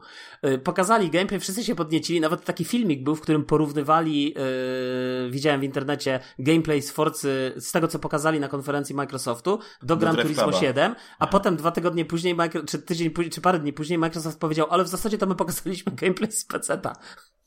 Znaczy, no wiesz, pokazują specjalnie, bo na tym pracują, no nie? Ale wiesz, optymalizacja nie, no, rozumiem, jak, jak wiesz, taka, jak... żeby no, zrywać wiadomo. bereciki, no. Wiesz, wszystkim. Masz rację, bo ja na przykład jak, jak Sony y, y, tworzy gry, y, programiści japońscy, to oni programują je na PlayStation. Oni nie programują na PC tak stare, tylko na PlayStation. No, come on. Tak, od razu na devkitach, tak? Od razu na devkitach stare. No bo tak mówisz, Jasne, że, no. że, że pokazują, pokazali z PC, bo na Adobe tym... Photoshopa mają na PlayStation. Jest nie, ale, poczekaj, ale, bo, ale bo mówisz, że pokazali, spe... bo mówisz, że pokazali z PC-ta, bo pracują nad wersji, na, na, na PC-tach. No wiadomo, że pracują na, na PC-tach, no a na czym mają programować? No tak, tak chodzi mi o to, że to jest jakiś niezoptymalizowany do końca build. No, mogliby tak jak, wiesz, ale Starfield, dlaczego, ale mogli myślisz, to że powiedzieć... Starfield to na, na Series X był pokazany? No nikt ale się mogli... nie podniecił tym, że, że Starfielda pokazali w wersji PC-owej i do tego jeszcze ta gra chrupała. Ja tego chrupania nie widziałem. Bo wiesz, nie na tym się koncentrowałem. Ja, wiesz, ja tam nie liczę klatek. Nie, nie jestem jak Digital Foundry, że wiesz, zrobię 100 klatek. Ale w ogóle jeszcze, no, poczekaj, bo, dobra, bo ty tak chcesz sprowadzić tą dyskusję tylko do jednego, do hejtu i tak dalej, żeby oczywiście moi fani się uaktywnili i zaczęli pisać to, co o mnie myślą. Ale ja chcę, a ja chcę natomiast powiedzieć coś dużo ciekawszego, że w ogólnym ja rozrachunku... jedną rzecz. Forza Motorsport 8, super, czekam. Dobra, i mów co chcesz teraz. No, ja też czekam, ja też czekam, tylko chodzi mi o coś innego. Chodzi mi o to, że jakby nie, po, nie powiedzieli, że to jest speceta w trakcie konferencji, to jedno. A druga ciekawa rzecz, jest bardzo dobry materiał, który też ci wysłałem, którego oczywiście jako zdeklarowany fanboy Xboxa nie obejrzałeś, żeby sobie nie psuć. Jest świetny materiał Digital Foundry, który jakby z jednej strony pokazuje oczywiście potencjał tej forcy, ale zostawia mnóstwo otwartych pytań. Jak dobre kino. Zostawia mnóstwo otwartych no, pytań. Podoba jak mi się, ta forca że tak, wiesz, podchodzi jak dobry dziennikarz śledczy do tego, co pokazali na tej nieistotnej konferencji. Nie? Czy na przykład Green y, Check, nie, jak się nazywa? Ale ja nie powiedziałem, że to jest nieistotna konferencja. Przecież ona, powiedzieliśmy, że ona była najbardziej istotna dla nas. Przecież to jest kluczowe pytanie. Kupię, czy Jules kupi Xboxa Series X ponownie, czy nie? No, ja myślę, Słuchaj, że miliony słuchaczy za, czekają na to, na to Ja pytanie. się cieszę, że te gry, że Microsoft znowu e, dba o nas jako graczy i daje, nie wydaje żadnych nowych gier, przynajmniej przez następny rok, żebyśmy Bo dzięki temu możesz jeszcze... docenić takie perełki jak Teenage Mutant Ninja Turtles. Ja cały czas liczę na Microsoft, że zrobią mniejszą wersję Series Xa. Być może w innej obudowie. Być może, wiesz, y, będzie bardziej przypominał One Xa. Zresztą, wiesz co jest najlepsze? Ostatnio rozmawiałem z kolegą, który jest y, wielkim y, znaczy jest y, fanboyem Xboxa, no nie, nie będę tutaj objawował, nie? Mhm. Na PlayStation nie gra, na pewno yy, Pozdrawiamy Rafała. Nie, nie, nie, ale Rafał jest już PlayStation fanboyem. Ale ja mówiłem o tym drugim Rafale. Aha. A to tak nie wiem. Ale nie, akad, yy, yy, On jest wielkim zdeklarowanym, o... on, on, on zawsze mówi Wszystko... o tym, że Xbox jest najlepszy i Game Pass jest najlepsze, Rafała. co? Pozdrawiamy Rafała, ale potem za każdym razem jak wrzuca jaką grę kupił, to zawsze jest to jakimś cudem z PlayStation gra. No bo tylko na PlayStation są gry w pudełkach. Yy, ale nie, chodzi mi o coś innego. Bo, no. bo się trochę wybiłem z, z, z, no. z rytmu. Chodzi o to, że jakiś czas temu, i to też e, rozmawialiśmy o tym w kontekście e, Forza Horizon, nie wiem czy pamiętasz, Juliuszu, no, że byłeś zafascynowany tym, jak Forza Horizon e, wygląda dobrze nawet na tym starym Xboxie One X. I że właściwie faktycznie posiadanie się no, One X nadal jest sensowne, że nie trzeba znaczy, iść w Series X chyba... czy na przykład Nie, Series to chyba, wiesz co, to powiem ci I ten mój kolega fanboy ma nadal One Xa i jest zadowolony i gra we wszystkie nowe gry. Po, powiem ci tak, y, nie do końca się zgodzę, to znaczy, absol absolutnie zgodzę się z, z, pewną częścią Twojej wypowiedzi, bo ja pamiętam, że oglądałem takie porównanie właśnie na Digital Foundry, gdzie oczywiście widać, że na One Xie ta Forza, nie wiem, ma niższą rozdzielczość, trochę szybciej tam znikają tereny, ale w dalszym ciągu ona wygląda naprawdę spoko, tak? Jakby w dalszym ciągu wygląda bardzo dobrze na, na tym starym y, Twoim Xboxie. Natomiast y, generalnie mimo wszystko zaleciłbym, jeżeli ktoś y, myśli, no to zaleciłbym kupno, czy Series X, czy Series S, wszystko Oczywiście. jedno, tak? To, to, to wiadomo. Może nie wszystko jedno. Tobie może wszystko jedno jest. Znaczy, ale wiesz, ja tylko, że ja przepraszam, ale ja stary mam drugie, dla mnie to jest takie kluczowe pytanie. Aha. No bo jednak w dalszym ciągu i, i, I spójrz tak naprawdę na to, co się dzieje w ogóle w obozie zielonych, jak to mówią e, nasi. Bo, bo chodzi mi o to, że my widzimy tą sprzedaż całościową Xboxów, która jest tam niewiele niższa niż PlayStation. Nie wiem, czy już przegonili Podobno PlayStation. podwoiła pewnie? się sprzedaż Xboxów w Japonii. Z 5 okay. na 10. Okej, okay, ale, ale, ale chodzi mi ale chodzi mi o to, ale chodzi mi o coś innego. Chodzi mi o to, że wiesz, że jak duży jest udział tych Series S-ów i teraz jak te Series S, wiesz, bo teraz jak sobie myślisz o tym yy, yy, Starfieldzie albo o Forza Motorsport 8, kluczowe pytanie jest takie, jak ta połowa graczy, która posiada Xboxa Series S, czy nawet więcej niż połowa, yy, jak, jak, jaką oni dostaną grę finalnie? To jest ciekawe Niskie rozdzielczości bez ray tracingu. I z pikselami. Ale to jak lubią teenage... Co? Ale to chyba chcieli właśnie. Dlatego ktoś kupuje Series dla pikseli. Nie, ale, no, ale wiesz, poważnie rozmawiamy. Poważnie nie, rozmawiamy poważnie. No to PlayStation tak, Plus Extra weszło. Yy, generalnie ja się bardzo cieszę z tych gier, które mają wyjść na Xboxa, tylko po prostu tak, Atomic Hearts nie wiadomo, czy kiedy wyjdzie. No nie, ale właśnie ale, ale Atomic Hearts to a propos wszystkiego. Nie no, Atomic Hearts to w ogóle uważam, że to jest skaza na honorze Microsoftu, że oni jeszcze się od tej gry nie odcięli, bo to jest ruska gra. Do cholery jasnej. I co? Bo gość, który tworzy tą grę nie został objęty sankcjami? To oni sobie to wrzucają do katalogu. Oni powinni popisowo pokazać solidarność z Ukrainą i absolutnie tą grę wywalić i powiedzieć nie, my nie chcemy. Nie, nie chcemy tej nie, gry. Nie, nie, ja jeszcze coś innego widzę. Ja inną widzę opcję ta gra Dla mnie to jest, to jest żenujące, cały że Microsoft nie potrafi ze sprzedaży y, tej gry powinien iść na polską akcję humanitarną, wspiera, y, żeby wesprzeć Ukrainę. I tyle. To by było, to by załatwiło sprawę. Nie wiem, czy to by załatwiło sprawę. To jest kwestia faktycznie, której tutaj nie, nie. Tak to, jest, to, jest, to jest lekki i przyjemny podcast, nie? A, a, a nie, ja wiem, ja czekam tylko na komentarze, wiesz, tych naszych słuchaczy, którzy będą mówić, ale co wy gadacie, Atomic Hearts jest super i to będzie świetna gra, no. no ale to już jest, wiesz, to jest... Nie wiem, w czym leży, bo nie chcę wchodzić w dyskusję. Moglibyśmy nagrać jakiś geopolityczny podcast, nie? Tylko nie. dla patronatów.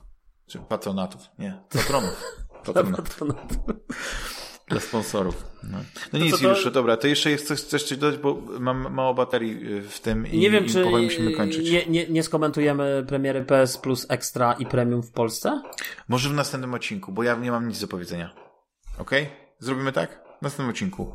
Bo ja w tym momencie y, nie korzystając z plusa od, y, pewnie mi się już skończył, nie wiem. Bo dostałem tylko informację, że został przekształcony w tą, no, w tą nową wersję, chyba Essential i tyle, no. Ale to porozmawiałem o tym za, za, za tydzień. Wiesz, ja też chciałem, na przykład jeszcze jak mówię, o, jakby nam brakowało tematów, to strasznie chciałem porozmawiać o komiksie, czy w ogóle serii komiksowej. Rozbitkowie z Itaku, które były wydawane w Polsce w tym magazynie Fantasy Comics ale to też w takim razie przeniosę ja do następnego Przenieśmy odcinka. na następny, bo może ja też tak. coś przeczytam, bo ja kupiłem, jak wiesz, kupiłem pod, jak nie ja, spontanicznie, kompulsywnie komiks yy, Alana Mura, yy, Devilman. Nie, Devil, Devilman za namową Sika, który powiedział, Jules, jak to kupisz, to to nawet będzie dobra inwestycja i za parę lat sprzedaż z zyskiem. Więc kupiłem, a potem otworzyłem ten komiks i już żałowałem, że się dałem w to wmanewrować. I boję się teraz, ale przeczytam, no, żeby nie było. Znaczy, nie, to tak wiesz, mówię, jakbyś chciał, to ja ci polecam taki komiks Alana Mura Zagubione dziewczęta. Tu na pewno będzie y, usatysfakcjonowany. Nie, y, no. a ja jeszcze Ostatnie... takim... Aha. No to mów. Nie, nie. Bo ja chcę mieć ostatnie słowo. Dlaczego chcesz mieć ostatnie słowo? Taki już jestem. Dobrze, to ja tylko jeszcze powiem, że ja kupiłem jeszcze komiks jeden, y, Wilcze Dzieci. Y, na podstawie takiej, to jest, najpierw było anime, film, a potem powstał komiks trzytomowy, ale to są takie króciutkie tomiki, który jest narysowany na podstawie tego i po, ja, ja po prostu się zakochałem w tym anime. Nigdy nie obejrzałem go od początku do końca, tylko zawsze obejrzałem środek, raz obejrzałem. Fragmenty, tak. Włączasz ale, piątej minuty, a, ale tak, ale, nie, ale tak, ale tak mnie ujęło tym klimatem. Wiesz, to jest, to jest dziewczyna, która samotnie wychowuje dwójkę dzieci i te dzieci są pół ludźmi, pół wilkami.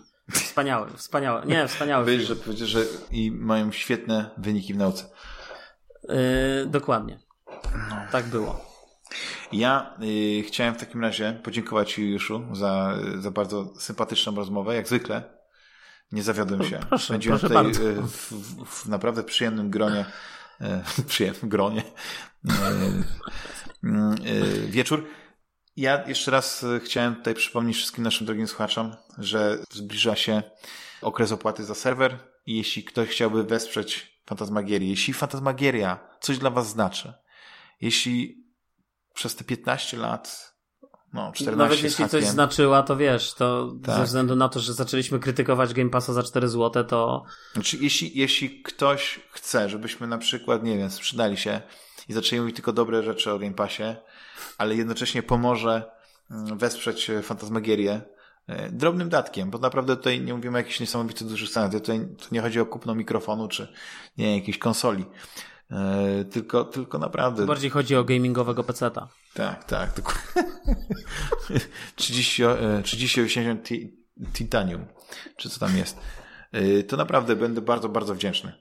E, pomoc, nawet drobna, jest, jest mile wskazana. Oczywiście, jeśli chcecie, możecie przez PayPala na dachmanmałpa.fantasmagieria.net lub na, na przelew bankowy. No to tyle. Zresztą szczegóły są w, w poście. Naprawdę e, dzięki e, za wszelką pomoc. Juliuszu, to co? Musimy się umówić za tydzień na rozmowę. Już będzie taka plenerowa. Mi się wydaje, że już będziesz taki, wiesz, e, e no, wakacyjny tryb będziesz miał włączony. Będziesz nagrywał w stodole na jakimś tam pewnie łączu 5G z anteną właśnie. Nie, tam mam, mam, będę miał dobre łącze 300 megabitów światłowód, więc jest okej. Okay. A cywilizacja, widzisz, zmienia się. Cywilizacja zmienia się. dociera wszędzie. No. Wszędzie tam, wiesz, gdzie... Tak myślę, że gdyby była taka potrzeba, to i na dial-upie byśmy mogli nagrywać. Nie wiem, przez telefon. Bo to jest no, potrzeba. Moglibyśmy, bo, ja to, bo to by była nawet fajna opcja. Ja bym sobie siedział na werandzie, wiesz, e, patrzył na niebo. No, tak, tak. I znaczy, myślał... Jak teraz patrzę na niebo, u mnie godzina jest późna, ale jeszcze, ale jeszcze nie jest ciemna noc. Nie widzę żadnych tutaj gwiazd, niestety. Juliuszu, to co? Słyszymy się za tydzień. Do usłyszenia. Może już Popadę. z wtedy. Mam nadzieję. Popano się słuchacze. Trzymajcie usłyszenia. się, cześć.